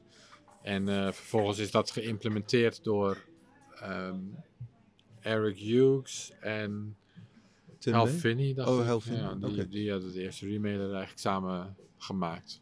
Mm, Ja, eigenlijk is David Sharm, ja, ik heb hem zelf ook een paar keer mogen ontmoeten, maar dat was dan echt op meer op blockchain evenementen. Het is wel eh, een heel belangrijk figuur toch ook wel geweest. Ehm, hoe is, onder andere met DigiCash en, en eh, eCash. Eh, hoe, hoe, zie je zijn, hoe zou je hem karakteriseren eigenlijk, eh, David Sharm, en, en zijn positie in de geschiedenis? Nou ja, ik zou hem beschrijven sowieso als, ehm, zeg maar, genie en revolutionair. Oké. En ook eh, gedreven. Heb je hem ook gesproken trouwens? Want, eh, ja. ja. Eh, Hij is niet makkelijk om... tegelijkertijd geen makkelijke man. Nee. Inderdaad. nee. Dat, is, dat zegt eigenlijk iedereen die hem kent. En dat is ook mijn ervaring. Ehm, ja, en he- inspir- inspirerend figuur, maar onmogelijk om eh, mee te dealen. Erg moeilijk in ieder geval. Dan moest je veel eh, heen en weer pingpongen of, of, of veel eh, concepten? Nou, ehm, of was. Nou, ik moet zeggen. Het viel me nog mee ergens. Ik had eerder een artikel geschreven over DigiCash voor mijn boek. Oké, Ehm, en toen had ik al contact met hem gehad. En het artikel geschreven en dat had ik hem. Nou ja, nu ga ik misschien wel heel erg in de persoonlijke. Het is geen makkelijke man. nee, Laat ik het daar maar gewoon even bij houden. nee. Maar hij is dus inderdaad eh, hè, vanwege een Nederlands eh, vriendin is hij toen in Amsterdam eh, gekomen en heeft daar bedrijf eh, Ja. Bestuurd. En, en, en, en hij, hij kreeg daar echt wel eh, behoorlijke tractie, hè? ook eh, in de bankaire wereld. Want wat, even, even wat, wat, wat deed eCash eigenlijk? E-cash was in principe de eerste vorm van digital cash. Dus Ja. e- elektronisch cash. Elektronisch contant geld. Als je dat zo zou willen noemen. Ja. Ehm, en wat het eigenlijk meer specifieker was, was eh, een, een vorm van ja, geld. eh, Wat je anoniem kon gebruiken. Of in ieder geval redelijk, redelijk anoniem. Eh, het doel was om het voor banken uit te rollen. Of banken konden het, konden het gebruiken. Dus eigenlijk was het ja, afhankelijk van de bank. Eh, dat is waar dan die e-cash voor stond. Dus eh, een, een Nederlandse bank, dan zou je gewoon gulden doen of vandaag euro e-cash hebben. Het was niet een eigen valuta, het was iets dat in principe gewoon eh, re- represent- fiat geld represente- representeerde. Was het een soort betaalrails of zo? Of, of, of, Ja, zo zou je het Oh, kunnen doen. ja, ja. ja. Ja. inderdaad. Maar goed, dat, dat is nooit echt doorgebroken. Hè? Onder andere Eric Hughes heeft ook voor hem gewerkt, maar die is toen gedesillusioneerd eh, teruggekeerd naar, naar Amerika. Ja, klopt. Eh, ja, dus het is nooit. Het is wel. eh, ze hebben het e-cash wel ontwikkeld. En het is ook door een paar banken geadopteerd. Het is een beetje uitgeprobeerd hier en daar. Onder andere door Deutsche Bank, wat natuurlijk wel een grote bank is. Ehm, maar ja, een, een van de dingen die oud-medewerkers met name zeggen, is dat het nog veel meer, er was nog veel meer interesse voor. Het had eh, in elke versie van Windows kunnen zitten en ehm, Ja. ja. eh, Visa was... met, eh, met, met Microsoft. Ja, en, en allerlei, allerlei grote partijen waren geïnteresseerd, maar dat liep steeds stuk volgens die oud-werknemers, eh, doordat Chaum niet zo makkelijk was om mee eh, te dealen. Ja. Eh, maar goed, ook de trials die er wel waren, die waren geen groot succes. Er bleek niet zo heel veel vraag voor te zijn. En ja, uiteindelijk is, is, het, is dus ten onder gegaan, failliet gegaan. Want het, het, het krijgt dan een Nederlands tintje. Heb je ooit, hè, want het, eh, heet het, Instituut voor S- Centrum voor Wiskunde en Informatica is toen ook door, mede door hem opgericht. Heb je nog eh, gekeken misschien naar Ne- Nederlandse cypherpunks die daar eh, uit voort zijn gekomen? Was er ook een Nederlandse community rondom eh DigiCash en cypherpunks? Want je had natuurlijk ook Access for All, wat volgens mij ook weer een beetje uh, daaraan gelinieerd was.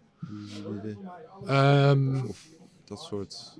ik, moet- ik zit even na te denken. Of heb je er onderzoek naar gedaan? Zou ik Ja, nou, ik heb er ooit wel een beetje naar gekeken, maar voor mij, je noemt inderdaad een voorbeeld. Voor mij, een van die oud-werknemers is wel bij Access for All terechtgekomen. Even- Of daar, eh, heeft daar ook wel een goede functie gekregen uiteindelijk of zo. Oké. Maar nee, ik zou niet zeggen dat ik echt een sterke emphasis heb gelegd op, eh, op, op, op, op het ehm, doorgronden van wat de Nederlandse community er in die Nee, tijd nee. heeft. Wel interessant eigenlijk. Ja. ja, het is eigenlijk wel leuk om dat eens uit te zoeken. Maar ehm, Ja, ik had, dat eh, heb ik had perso- hier en daar wat vragen gesteld en eh, Sjors, eh, die kwam daarmee. Die zei, ja, dit kun je aan Aaron vragen. Oh ja. ja. Ja, dat is, eh, Moet wel credits aan hem geven. ja, het is wel leuk om eens een keer... eh, misschien eh, überhaupt een artikel of zo. Maar goed, misschien wat voor jou. Dat is eh, wel... eh, Ja, ja, nee, dat heb ik niet echt gedaan eigenlijk. Ik, bedoel, ik, ik heb me wel gewoon... Ja, met Digicast waar ze mee bezig waren. Maar echt een soort van het community aspect wat er toen in Nederland was. Wat er inderdaad ongetwijfeld zal zijn geweest. Hm. Daar heb ik me niet mee bezig gehouden. Ja. Ja, je had dan de digitale stad, je had volgens mij eh, dat, dat soort... Dat zat natuurlijk best wel dicht eh, allemaal op elkaar. Een beetje het begintijden van internet en, en digicash. Ja, nee, Dat- we, dat- dat- we- dat- we, we- we- we- we waren ook toen in Nederland, zou ik zeggen, best wel innovatief natuurlijk. Hm, hm. Ook met eh, ja, vroege internet, Ja, hackersachtige dingen. Ja, dus daar zit misschien wel een interessant verhaal, wat ik, wat ik zelf niet heb. eh, misschien voor een vervolgboek. ja, wie weet. Ja. ja, ja. Ehm, ik ga gewoon even door naar het volgende. eh, Omdat ja, er zijn best wel wat bewegingen eigenlijk, eh, stromingen die je hebt eh, beschreven. En dat ik, ik, een van de meest fascinerende is natuurlijk de extropians. ja. Nou ja, goed, jij kunt het veel beter beschrijven, maar het gaat echt over de, de maakbaarheid van alles eigenlijk. Hè? Of maakbaarheid van leven en, en maakbaarheid van het eeuwige leven. Ehm, Ja, ehm, is maakbaarheid het goede woord? Misschien. Weet ik niet, Eh, maar- Maakbaarheid is meer iets wat ik associeer met een, een maakbare samenleving, zeg maar. en dat zouden Serpents juist helemaal niet. Maar juist totaal aan de andere kant van dat eh, spectrum. Oké, Eh, maar wel, ehm, ja, ze waren technologische utopisten. oh ja. Eh, ze dachten inderdaad dat technologie ja, eigenlijk de mensheid zelf zou kunnen hervormen. eh, een, een volgende stap in de evolutie zou kunnen realiseren. Wat, waarom staan ze in het boek? Zal ik, zo- dat zal ik even die vraag stellen. Eh, Dus dit- Ze staan in het boek omdat ze ook geïnteresseerd raakten in electronic cash. Hm. Eh, en ook ehm, in zekere zin een beetje kunnen worden gezien als een soort van voorloper van de cypherpunks. Dus er zit Hm. best wel wat overlap tussen die twee communities. Hm. Eh, dus die, de cypherpunks kwamen voor een deel uit de Extropians vandaan. Dus uh, Tim May, Wydai, uh, Helvini, eh, Nick Zabo, misschien nog andere, waren allebei, waren allemaal zowel Extropians, eerst Extropians en daarna ook Cypherpunks. Oké, dat wist ik niet. En ehm, Oh, Nick Sabo ook. Ja, en, ehm, ja, dus de, en, en het andere grote ding is dat in de Extropians, in, de, in die community, zijn de ideeën van electronic cash in de Chaum, Ja. op de Chaum eh, manier. En het hervormen van geld in de Hayek zin Ja. zijn bij de Extropians echt bij elkaar gekomen. Dus het was de Extropian founder Max Moore, die Mhm. op een gegeven moment zei, die technologie van David Chaum, die kunnen we ook gebruiken om die visie van Hayek te realiseren. Dus daar is het echt bij elkaar gekomen. Dat is eigenlijk een hele belangrijke... eh, het, is echt, het is echt een sleutelhoofdstuk in mijn boek, zou ik zeggen. Het Ja. is echt waar de twee stromingen Ja. één worden. Ja, nee, oké. Ja. Hoe gaat het eigenlijk met die mensen? Want eh, heb je nog, eh, nog een aantal kunnen spreken? Ehm, Eh, van die ik net noemde, nou, zo Max Moore of je had ook Tomo- Tom- Tomorrow. Ja, Tomorrow heb ik e-mailcontact mee gehad, heeft mijn hoofdstuk gelezen. Max. Moore niet gelukt om die te bereiken. Ehm Waidai contact mee gehad. Nou ja, Tim May is overleden, Alvini is overleden. Nick Zabo gesproken, heeft ook mijn hoofdstuk gelezen. Eh, Face-to-face, eh Nick Sabo. Ja, wel informeel moet ik zeggen. Niet, eh, niet dat hij een, echt een on-the-record interview wilde doen, Nee. maar wel... eh, Ook een lastig, eh, lastig figuur, toch? Dat- Ja, Of, ja, eh, ja, be- ik ja, heb best hem- wel, ja. ik heb hem een keer ontmoet, maar... Ja, nou ja, die ben ik wel... hij kende me wel, hij kent me wel, zeg maar. En ehm, Dus ik dat heb hem- helpt, ja. ja, en ik heb hem wel de- na een conferentie op een afterparty, zeg maar, met een biertje erbij, heb ik, heb ik even zijn hersenen kunnen plukken. p- Pick his brain. Ehm, en daarnaast ook wel wat eh, vragen via e-mail en ehm, hij heeft mijn hoofdstuk gelezen.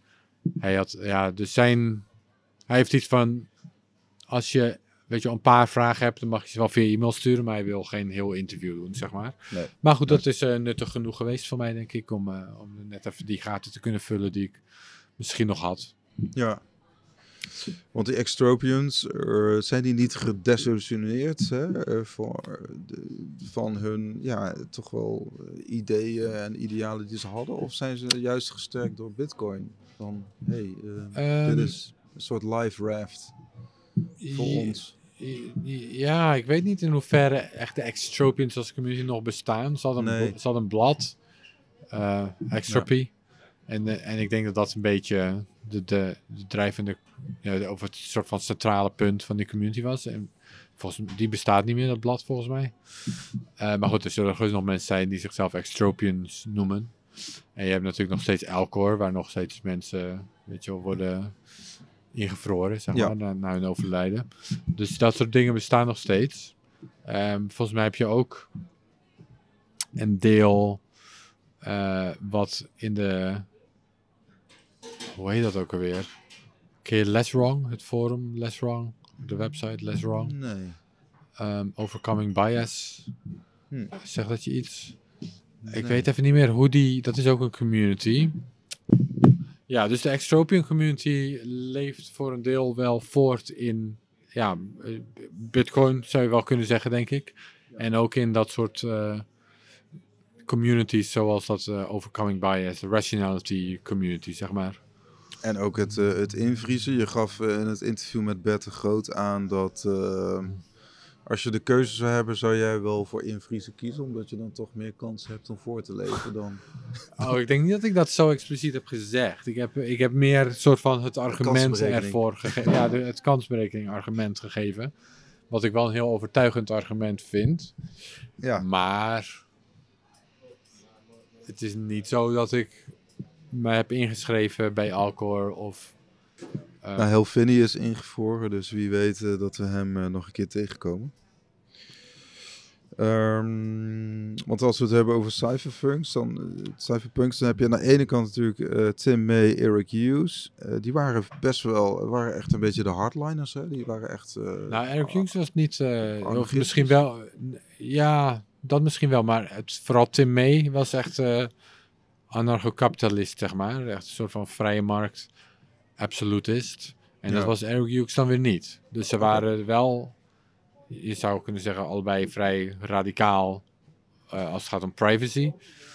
Maar niet per se over de, ja, eh, ze waren niet per se helemaal met elkaar eens over waarom privacy dan zo belangrijk was. Hm. Daar, daar bestonden wel wat verschillende perspectieven over.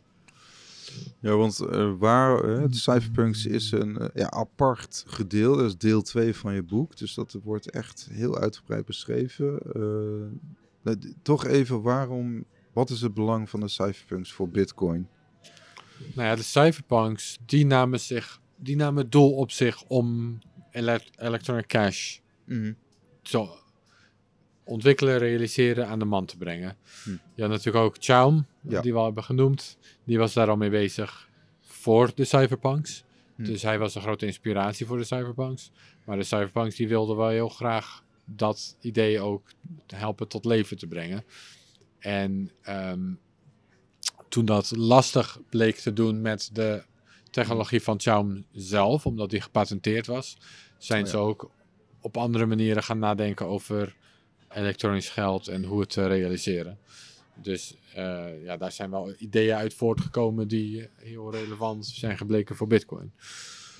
Ja, te beginnen met. eh, nou, misschien, eh, misschien nog één stapje terug. Want je had ook de crypto wars. Dus eigenlijk de dingen die zij bedachten. De, de, cryptografie eh, die zij bedachten. Dat, dat stuitte op weerstand van de regering Clinton, hè, 1992. En die, die, die zag cryptografie eigenlijk als een soort eh, wapen wat je kon exporteren, begrijp ik. Klopt. Toch? Ja, dus toen eh, Clinton aan de macht kwam, toen eh, begon, begon eigenlijk de war on crypto. En ja, dat een van de grote nieuwe wetgeving, wetgevingen die er toen, eh, die toen werd uitgerold was het verbied van export van cryptografie dat te sterk was, zeg maar. Dus eh, je Ja. mocht alleen nog maar zwakkere versies van cryptografische protocollen ja, aan het buitenland in, in- verkopen of in software stoppen die je dan aan het buitenland verkocht. Oké. Dus een, eh, ja, eigenlijk een exportverbod, of in ieder geval had je dan licenties nodig. Dus het werd geclassificeerd eigenlijk net zoals wapens. Je Ja. mag niet zomaar wapens exporteren en je mag niet zomaar cryptografie exporteren. Toen. Ehm, onder andere daardoor kwam Phil Zimmerman in de problemen, de ontwikkelaar van PGP. Ja. En onder andere Netscape moest hun software aanpassen, dat was aan het buitenland verkocht. Eh, tot zwakkere versies dus. En de cyberpunks zijn toen inderdaad op zich gaan nemen om te gaan terugvechten. Ja. En dat deden ze dus onder andere door software te schrijven, free en open source software, dat gewoon ehm, verspreid kon worden en gebruikt kon worden. Ja. Maar- Vos, hè? Vos. Ja. Ja, maar ook door eh, bepaalde acties te ondernemen. De, dus dat was onder andere voor die Netscape browser. Helvini heeft een soort van challenge uitgeschreven om die eh, encryptie te kunnen breken. Wat toen binnen een dag is gebroken door, ik dacht, Ian Goldberg. Die een soort van botnet op zijn universiteit had, eh. Had gebruikt om, eh, om, die, om, om die cryptografie te breken. En dat was heel snel gedaan, wat een eh, PR-ramp was voor Netscape. Ja. Ja, Ehm, ja, ja. Maar ook ehm De Adam- voorloop van Google eigenlijk, hè? onder andere. Ja, ja, nou, ja, de Of- voorop van Google Chrome dan zou ik zeggen. Dat was Ja, een ja, browser. Chrome. ja. ja, ja. eh, Adam Beck is eh, het RSA-algoritme op shirts gaan drukken. Om een statement te maken. Oh, ja. Want dan, als je dan met dat shirt de grens open, over ging vanuit de VS, dan was je technisch gezien een wapenhandelaar. Ja, ja, ja, ja, ja. En eh, Phil Zimmerman, die heeft zijn PGP-code in een boek laten drukken. Oh, ja. En ook met het idee van, ja, als je dus een boek exporteert, dan mag je dus geen boek meer exporteren. En dat is natuurlijk heel erg ja, on-Amerikaans, dat je geen boek zou mogen exporteren. Ja, ja, precies. Dus ook weer om een soort van ja, statement te maken, om een punt te maken. Ja. Eh, dus op die, dat soort manieren zijn ze toen eh, terug gaan vechten. Ja. Ja, en onder andere volgens mij Li- Linux is toch ook ontstaan hè? Vanuit, eh, vanuit die, die beweging. Of in ieder geval de, de, de, de Linus Torvalds heeft ook weer eh, Ja, ja, dat, die, die, gepakt. nou ja, in principe eh, ehm, Linux is, is eh, GNU. GNU Ja. was de eerste operating system van die Richard Stallman had ontwikkeld. Oh, En al. Ja. free software dus. En toen heeft Linus Torvalds heeft daar dan een kernel aan toegevoegd. En die kernel... En dat, en dat was dan Linux. Maar eh, Richard Stallman vindt het ook niet echt leuk als mensen het Linux noemen. Hij, hij zegt, noem het dan GNU Linux. Want het is eigenlijk gewoon GNU met Ah, weet je wel, één aspectje Ja, ja, ja. dat dan niet van hem kwam. Maar, ehm, maar goed, ja, GNU Linux, dat, eh, dat komt allemaal uit de free software beweging. Ja, ja, ja. Oké, dat is weer een ander haakje inderdaad.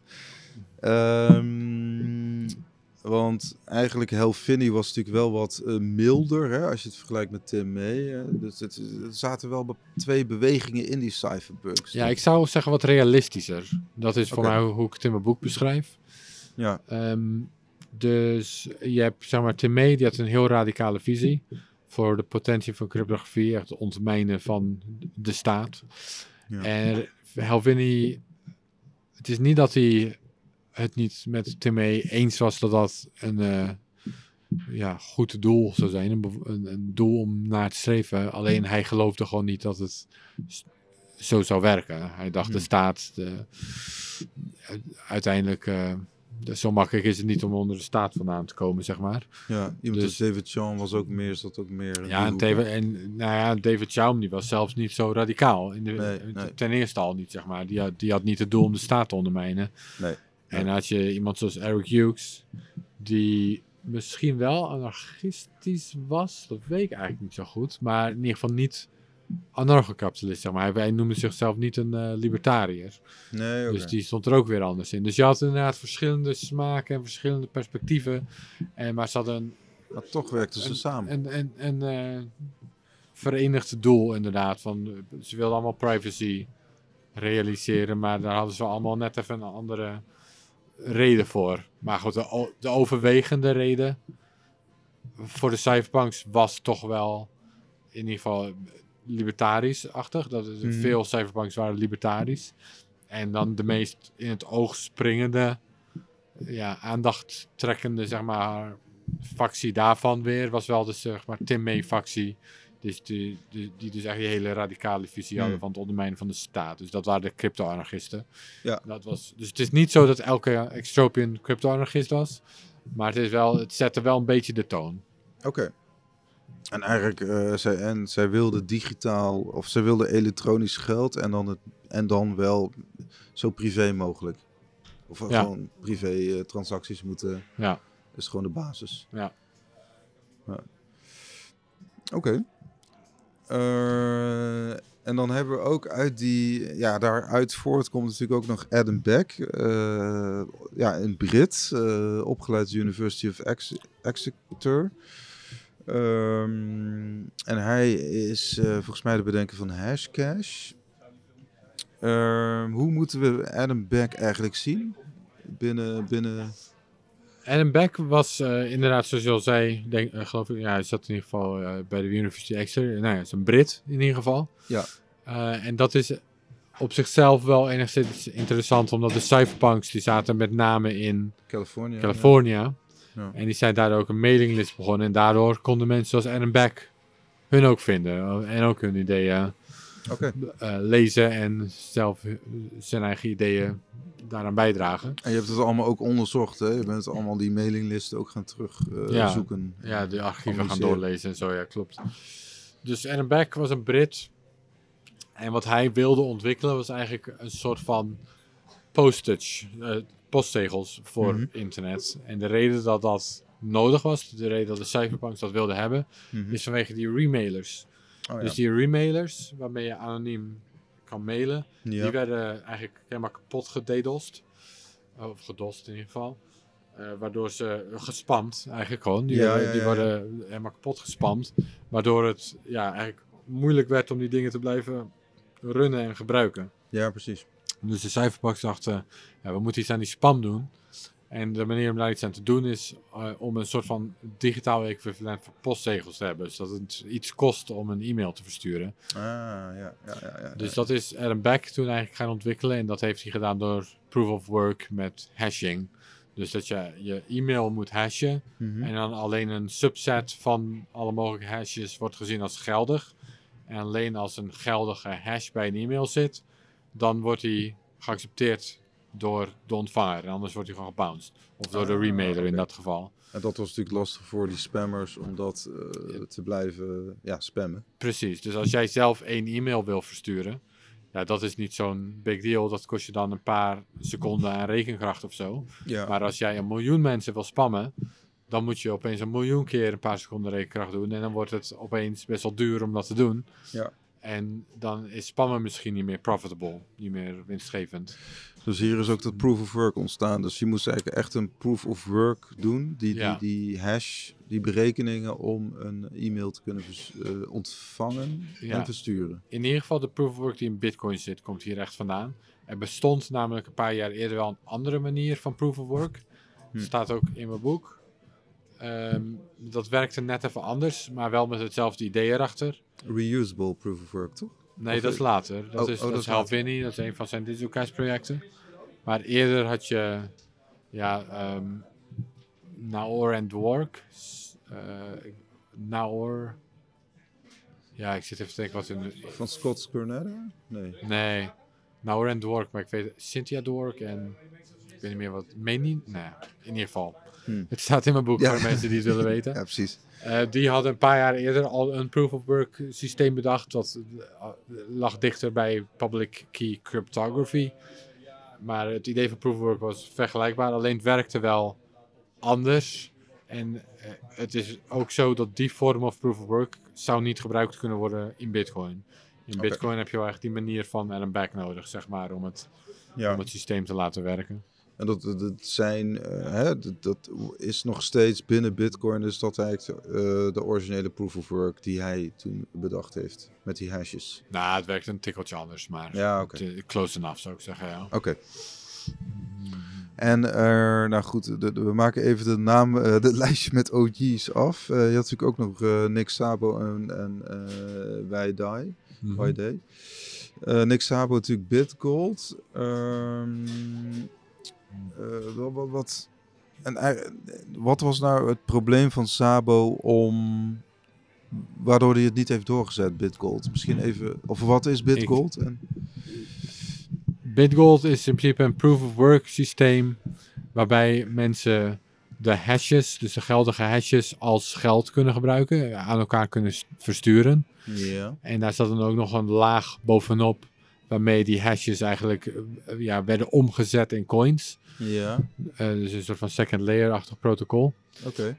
Ehm, de reden dat het niet echt een werkend of een ja, volledig systeem was, dat had het mee te maken dat je double spending niet goed kon tegengaan. Oh ja, dat was het, ja. Dus dat, je, dat er geen goede manier was om uit te sluiten dat een bepaalde hash al eerder was uitgegeven.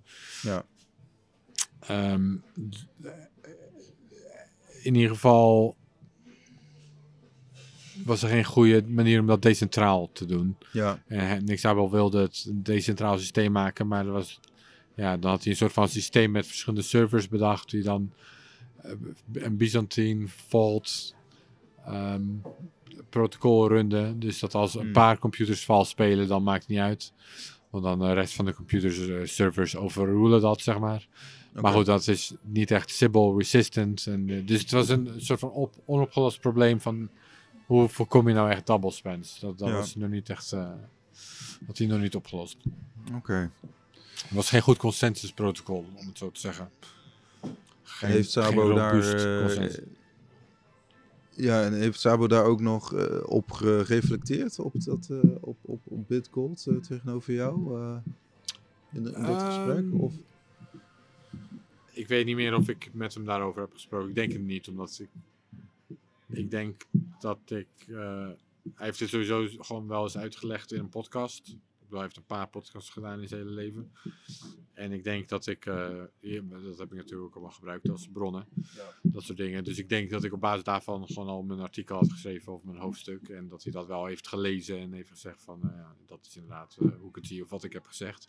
Maar ik weet niet zeker of ik dat zelf aan. Ik denk niet, want het is niet echt een reden voor mij om dat zelf nog eens aan hem te vragen als het al in een podcast zit.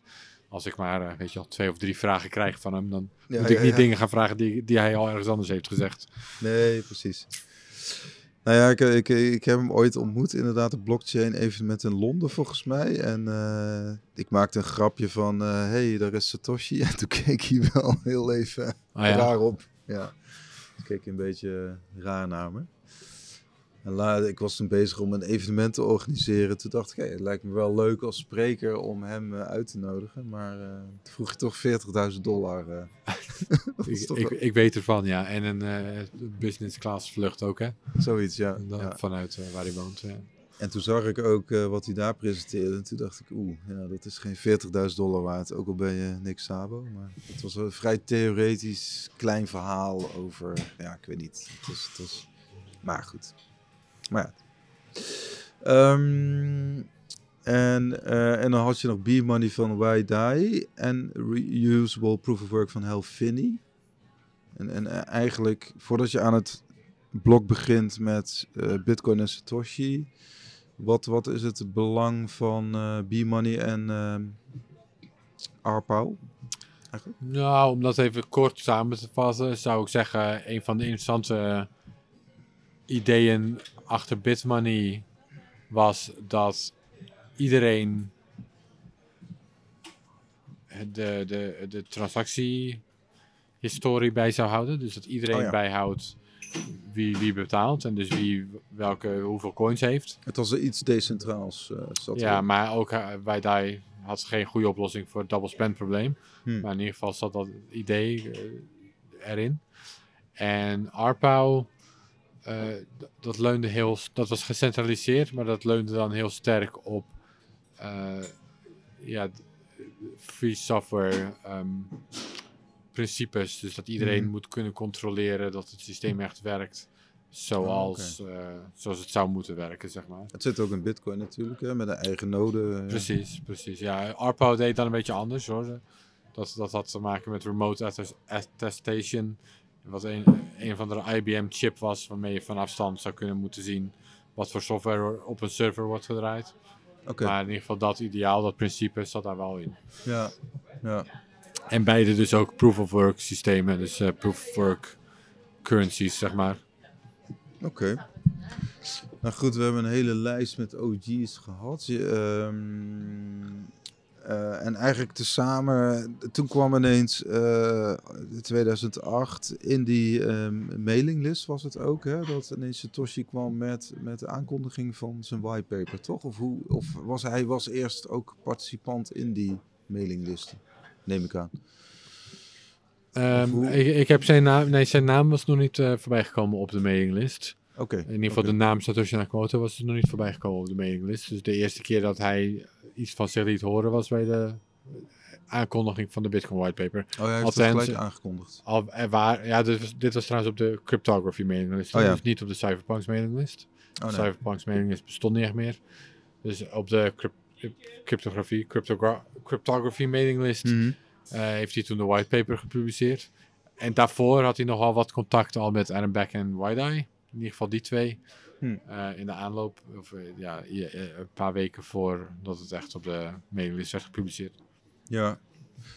Nou, je hebt wel, nou ja, goed, dan gaan we het, ik moet hem toch eventjes vragen. Je hebt het ook wel in andere interviews wat over gezegd.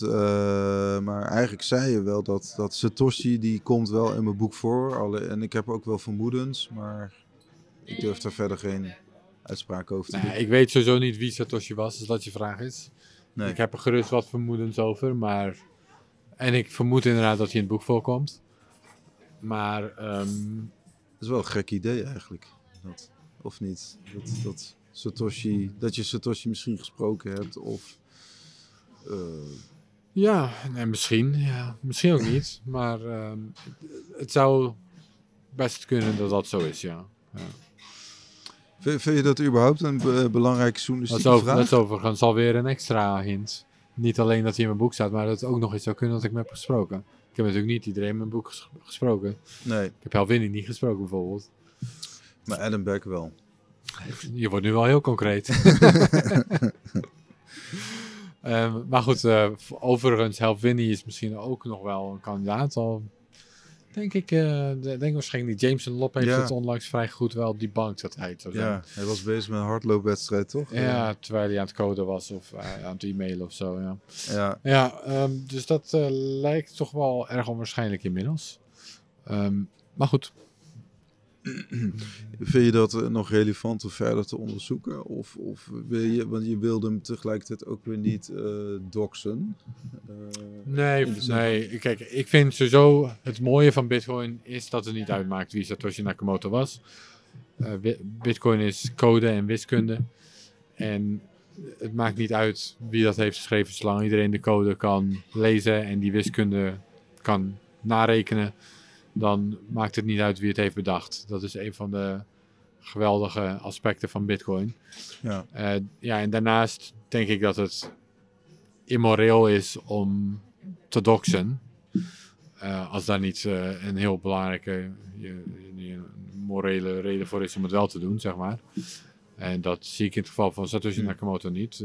De- die wilde duidelijk gewoon anoniem zijn. Pseudoniem.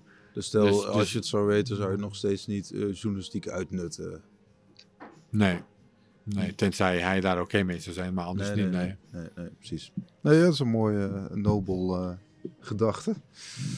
Ehm, en, eh, de- de- de- en het belang van die whitepaper, want wat ik wel interessant vond, is dat die, die 21 miljoen market, of market cap, nee, die 21 miljoen eh, als plafond, als maximum, dat, dat stond niet in de whitepaper bijvoorbeeld. Hè? Dat heeft hij eigenlijk later pas in een Dat, e-mail. dat zat gewoon in de code in principe. Dus oh, dat zat in de code. Ja, dus dat zat inderdaad niet in de whitepaper, maar dat zat in de code. Ja, en, en inderdaad in de e-mails over eh, de- dat de code werd gereleased, legde die het ook uit. Ja, ja, dat heb klopt. ik, ja. ja. Kun je bepaalde conclusies eh, trekken eh, over eh, Satoshi in de zin van hij had al deze bouwstenen. Hij moest wel op de hoogte zijn, toch? Van deze bouwstenen om Bitcoin te maken. Ja, nou ja, er zitten sowieso een, een aantal van de bouwstenen worden natuurlijk ook genoemd in de footnotes Ja. van de whitepaper zelf. Dus daar, daarvan is het duidelijk dat hij hiervan op de hoogte was. Ja, Adam Beck onder andere. Ja, onder andere. Nou ja, en daarnaast is het,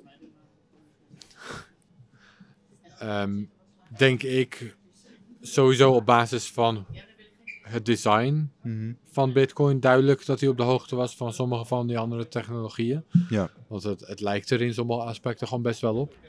En daarnaast heeft hij dat ook zelf wel eens gezegd. Ehm, dat staat niet in mijn boek overigens, omdat dat een latere comment was van Satoshi. En het paste voor mij niet in de flow van het boek om dat erin te zetten. Mhm. Maar hij heeft later wel gezegd dat Bitcoin een implementatie is van Bitgold en B-Money. Dus hij heeft ook contact gehad met Wij, Dai en Halfini, toch? Ja, klopt. Ja, ja, ja, ja, ja. Heb, je, heb je nog vermoedens dat hij bijvoorbeeld wel ook al mee heeft gewerkt aan, aan bijvoorbeeld eh, eh, een aantal van die andere die voorlopers? Zoals B Big Nee, dat zou, dat zou goed kunnen, ja. Ja, omdat het toch een redelijk fluïde beweging is. En redelijk. eh, ja. Het zou ook goed kunnen van niets, maar het zou, ik bedoel... eh, eh, Kijk, als je gaat kijken, wie zijn er nou kandidaten voor wie Satoshi zou kunnen zijn? Wie zou er nou achter kunnen zitten? Ja, dan lijkt het toch wel dat het iemand was die inderdaad op de hoogte was van dat soort projecten. En dus dan is het vrij logisch dat onder de kandidaten zou je dan ook moeten rekenen de mensen die misschien aan die projecten hebben gewerkt. Dat is niet heel gek om dat om hen als potentiële op de potentiële kandidatenlijst te zetten, zeg maar. Ja. ja. Maar je hebt dus ook wel sterke vermoedens dat, dat, dat hij erin staat. Ja, sterke vermoedens. Bedoel, als ik er een soort van probability aan moet geven, zou ik zeggen meer dan 50% kans. Maar Je zit in ieder geval heel dicht, eh dichterop. Eh, laten, laten we even, want het is wel een lang gesprek, maar laten we inderdaad even eindigen met een aantal. ehm, meer over Bitcoin zelf. Hè? Wat, wat vind je eigenlijk van de huidige stand van Bitcoin? En hoe zie je het verder ontwikkelen het liefst? wat we voor mij zelf in ieder geval het belangrijkste, denk ik, nu is dat we een goede manier moeten verzinnen waarop we Bitcoin kunnen upgraden. Dat is tot nu toe een beetje een rommel geweest. En er zijn mensen die zeggen: het hoort een rommel te zijn, het hoort moeilijk te zijn, het hoort een rommel te zijn. Er zijn mensen die zeggen: we moeten Bitcoin gewoon niet meer upgraden. Ik denk dat we een goede manier moeten vinden om Bitcoin eh, te kunnen upgraden. Want ik denk dat Bitcoin geupgrade moet kunnen worden. Zonder dat het een rommel is. Hmm. Dat zie ik eigenlijk nu als eh, misschien wel het belangrijkste. Vind je het nu een rommel dan eh, met, eh, met contributors en, en de ontwikkeling, de, de, de, de developers? Nou, ik heb het echt specifiek over het upgraden van Bitcoin. En dat vind ik best wel een rommel. En zeker als het gaat over protocol upgrades. Het is altijd weer ruzie, altijd weer mensen die verschillende dingen willen. Altijd weer gedoe over ehm, de rol van miners en de taak van developers en de UASF, URSF, soft fork, hard fork, timelines. Hmm. Uh, ik weet niet, ik kan nog even doorgaan, maar ik het is gewoon een rommel. Ja, En ik denk dat daar best wel een eh, redelijk eh, pro- protocol of proces voor eh, bedacht en ontworpen kan worden. En ik, denk, ik zie dat wel als iets wat een belangrijk iets is dat Bitcoin eh, zou moeten leren of zou moeten krijgen. ja. Ja, want eh, we hebben het al eerder gezegd over eh, bijvoorbeeld contributors en dat je eigenlijk genoeg contributors hebt voor zo'n open software, open source ontwikkeling. Hoe, hoe, hoe zit het eigenlijk met Bitcoin, met de aanwas van voldoende developers en voldoende talent eigenlijk? Ja, volgens mij gaat het niet zo heel slecht nu. Nee. Ik heb de indruk dat dat wel, ehm, wel, wel redelijk gaat. Ik denk dat we na de Block Size Wars hebben volgens mij even een ehm, moment gehad dat er net iets te veel ontwikkelaars een stap terug deden. Eh, omdat de Block Size Wars was een hele stressvolle periode. Ja. En tegelijkertijd voelde dat heel erg als een periode waarin niemand, ja, waarin je niet kon stoppen. Nee. Eh, dat was iets wat iedereen eh, eh, erbij hield. Maar toen dat af was, denk ik dat dat op verschillende manieren wel tot burn-out heeft geleid. En me- me- dat heeft, toen waren er best wel wat ontwikkelaars die een stap terug hebben gedaan.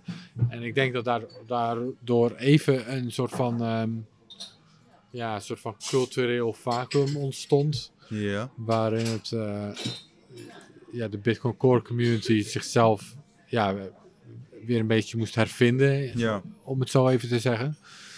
Maar ik denk dat dat inmiddels wel weer redelijk, eh, dat wel weer redelijk in, is verbeterd, zeg maar. Ja.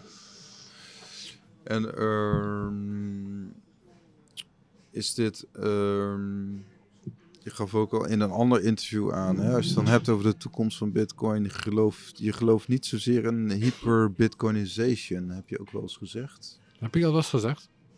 Dat heb jij gezegd, Wa- inderdaad. wanneer? Ehm, ik denk dat dat bij de, bij de meetup in Eindhoven was. Ehm, met, met, met als argument dat je ook aan, er, er komt gewoon veel tegenstand tegen Bitcoin. Eh, mensen zijn bang. eh, hè, mensen zijn bang voor Bitcoin. De regels gaan toenemen. En dat wordt echt een gevecht. Ja, maar goed, dan kan je dus nog steeds wel daarna hyperbitcoinization krijgen. Oké. Dus het gevecht kan gewonnen worden, zeg maar. Ja, ja, ja. En, en welk gevecht hebben we het dan over? Echt, richt, dit, echt eh, het gevecht van het, het, het, het, het inkapselen van bitcoin Ja. eh, Ja, met dat, allerlei ja, regels. dat eigenlijk, ja. Hm. Ja. Hm. Maar ja, goed, er zijn ook nog wel andere eh, grote uitdagingen hoor. Ook gewoon intern voor Bitcoin zelf, zoals schaalbaarheid. Dat is ook echt nog wel iets wat, eh, waar eh, dat wat veel werk en oplossingen gaat eh, vergen.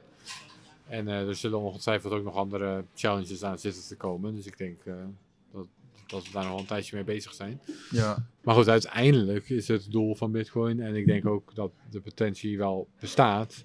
Dat we op een dag hyper-Bitcoinisatie zullen zien, om het zo te noemen. Dus dat Bitcoin gewoon het geld is van de wereld.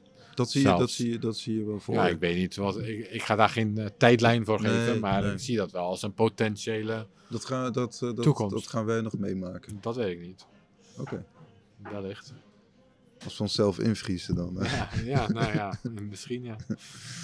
Ja.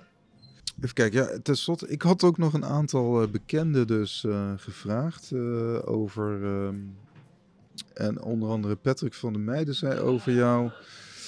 Aaron is een van de personen die als hij een bepaalde mening heeft die niet overeenkomt met hoe ik ergens over denk, ik nogmaals check of mijn mening wel gebaseerd is op de juiste en volledige feiten. Oké, ja, dat is eigenlijk wel een mooi compliment. Ja. Ja. Dus het, eh, het gaat er eigenlijk over dat jij eh, altijd heel erg eh, kunt vastbijten en verdiepen in, in, in, in of, ook in de technologische aspecten van Bitcoin. Ondanks dat je geen, je bent historicus, maar je weet natuurlijk heel veel van de technologie af. Ehm, ja, ja, nee, ja, goed. Toen ik over Bitcoin begon te schrijven, was ik niet technisch. Ik heb dus inderdaad geen technische achtergrond. Maar op een gegeven moment merkte ik, vooral toen de Size Wars een beetje begon, dat om eigenlijk meer de sociale kant van Bitcoin te begrijpen, of om dat anders te verwoorden, als ik was geïnteresseerd in hoe organiseren mensen zichzelf. Mhm. En geld is daar een belangrijke rol in. En dan is het dus ook weer een belangrijke vraag: wie organiseert het geld? Ja. Dus hoe wordt het geld gemanaged? En over Bitcoin werd gezegd: eh, het is decentraal, niemand managt het. Maar ik dacht, ja, hoe, hoe kan dat nou? De- iemand moet het toch voor het zeggen hebben Ja, wat de regels zijn, zeg maar. Eh, en om dat echt te doorgronden van hoe dat dan werkt, moest ik de technische kant van Bitcoin gaan begrijpen. Dus toen ben ik me heel erg in de technische kant van Bitcoin gaan verdiepen. Om eigenlijk de sociale kant, of de politieke kant, of de governance kant, hoe je het wil noemen, goed te begrijpen en uit te kunnen leggen. Dus eh, vanuit die, die invalshoek ben ik eigenlijk technisch, een soort van technische schrijver geworden. Ja, ja, ja. En iemand gaf ook aan dat je nog een fanatiek pokerspeler bent. Doe je dat nog steeds en wat eh, trekt je aan aan het spelletje? Eh, was dat ook Patrick? Ja, toevallig wel, ja. Ehm, ja, nou doe ik het nog steeds. Niet meer zoveel als vroeger. Eh, ik heb soms nog wel weer een fase dat ik er weer even lekker in zit en dat ik weer eh, zoveel mogelijk wil spelen. Ehm, maar dat, ehm, dat, dat is, in die fase zit ik nu niet in ieder geval. Nee, nee. Ehm, ja, ik vind het eh, vooral heel leuk om de game theorie van poker dan te doorgronden. En erachter te komen wat nou de juiste keuze is, soort van objectief gezien. Want je weet niet wat je tegenstander heeft. Je weet misschien niet eens hoe je tegenstander speelt. Maar dan nog steeds is het een soort van een game theoretisch optimale keuze. Een Eh, soort wie is de mol, eh ja. bijna achtig. Ja.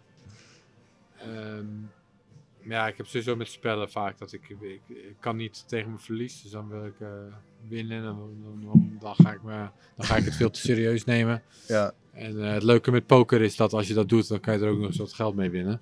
Ja. Terwijl als je supergoed wordt in risk, dan, ja, dan eh, bereik je hooguit dat je vrienden minder graag met je willen spelen. Nou, gelukkig heb ik dat punt nog niet bereikt. Maar ehm, in ieder geval met poker kan je er nog wat mee verdienen. ja, Ehm, maar er zit wel een overlap met Bitcoin, ook de, dat game theorie en zo. Want dat, dat is ook wel een onderdeel van Bitcoin en Bitcoin governance. En ja. hoe het nou werkt. Er zit best wel veel game theory in ook. En ik denk dat ik dat heel interessant vind. Oké. Dus er zit wel een overlap. En heb je een bepaald Bitcoin boek of een boek in het algemeen wat je mensen zou willen eh, aanraden te lezen? De Block Size War. Het boek eh, daarover. Het, eh, ja, het is van Jonathan Beer. Oké. Ehm, Eigenlijk het boek wat je ook. ja, nou ja, als ik het zou hebben geschreven, Of als ik zelf nog een boek ga schrijven over de blockchain, hoor, wat nog kan. eh, dan zou het wel een beetje anders zijn. Ik bedoel, we hebben gewoon een heel andere schrijfstijl. Ja, Jonathan Beer heeft een vrij zakelijke schrijfstijl. Eh, er zit wel een beetje persoonlijk eh, perspectief door vervlochten. Maar ehm, ja, mijn schrijfstijl is gewoon anders. En ook daar is wel gerust wat overlap in zitten. Maar ik zou het anders hebben aangepakt. En, of als ik het nog ga doen, dan zou ik het anders aanpakken. Maar desalniettemin. Dat betekent niet dat mijn manier beter is. Of dat eh, in ieder geval is zijn boek het lezen waard. En is al het eerste boek wat in me opkomt wat, waarvan ik denk van nou dat is gewoon een eh, goed, degelijk Bitcoin boek. oké. Nou, de laatste vraag. eh, wie, wie in de Bitcoin-wereld ehm, ja, inspireert jou? Of ehm, kan ook Ehm, iemand uit je boek zijn? Of, eh, Ja, nou iemand uit mijn boek, eh, meerdere wel, maar iemand die ook nog in de Bitcoin-wereld zit is natuurlijk Adam Beck. Ja. Ik vind het wel eh, inspirerend hoe vroeg hij erbij was, hoe belangrijk hij is geweest voor de ontwikkeling van Bitcoin. Niet alleen door proof of work uit te vinden, maar ook door andere ideeën over electronic cash. Bijvoorbeeld, het was een beetje zijn inzicht dat electronic cash niet gebacked hoeft te zijn. No pun intended. ja, ja, precies. Ehm, en dat hij eh, ja, ook tot de dag van vandaag zo relevant is, is natuurlijk ehm, eh, wel inspirerend. Iemand anders die in mijn boek staat, en dat is eh, misschien wel de eerste naam die me opkwam, eh, was Greg Maxwell. Dus die Ah. komt ook in het boek voor. Die heeft namelijk aan B-Money bijgedragen. Oké. En ehm, eh, d- dat- ja, dat is Is toch nog wel... steeds een Bitcoin core. Ja, Bitcoin Core Developer. Maar die houdt zich dan ook vooral bezig met eh, ja, het reviewen van eh, voorstellen, game theory, ehm, incentives, heel erg dat soort, eh, dat soort dingen. En eh, Oké. ja, het is toch. eh, dit, ik denk dat hij een van de meest invloedrijke personen is geweest in Bitcoin de afgelopen tien jaar, zeg maar. Sinds en- de, in ieder geval sinds de. Wel, Daarvoor dus al. Ja. ja, en, en tijdens inderdaad. Ja. Oké. Dus ja, maar die, dat was wel interessant en leuk om dat tegen te komen. Dat hij dus ook al met deze bezig was voor Bitcoin zelf. Ja. Ja. Dus dat zou ook zomaar Satoshi kunnen zijn. Ja. Nee. Oké, nou dankjewel Aaron voor eh toelichting. En, dit, eh, Ja, jij ook bedankt. en eh, ik, eh, nou, dat boek is in ieder geval te bestellen via Amazon.nl heb ik ook gedaan. Dus dat gaat allemaal heel makkelijk. Ja, hij staat ook op eh bol.com. bol.com Ja. inmiddels, ja. Dus eh, oké. De Nou, Genesis boek. de Genesis boek. dankjewel.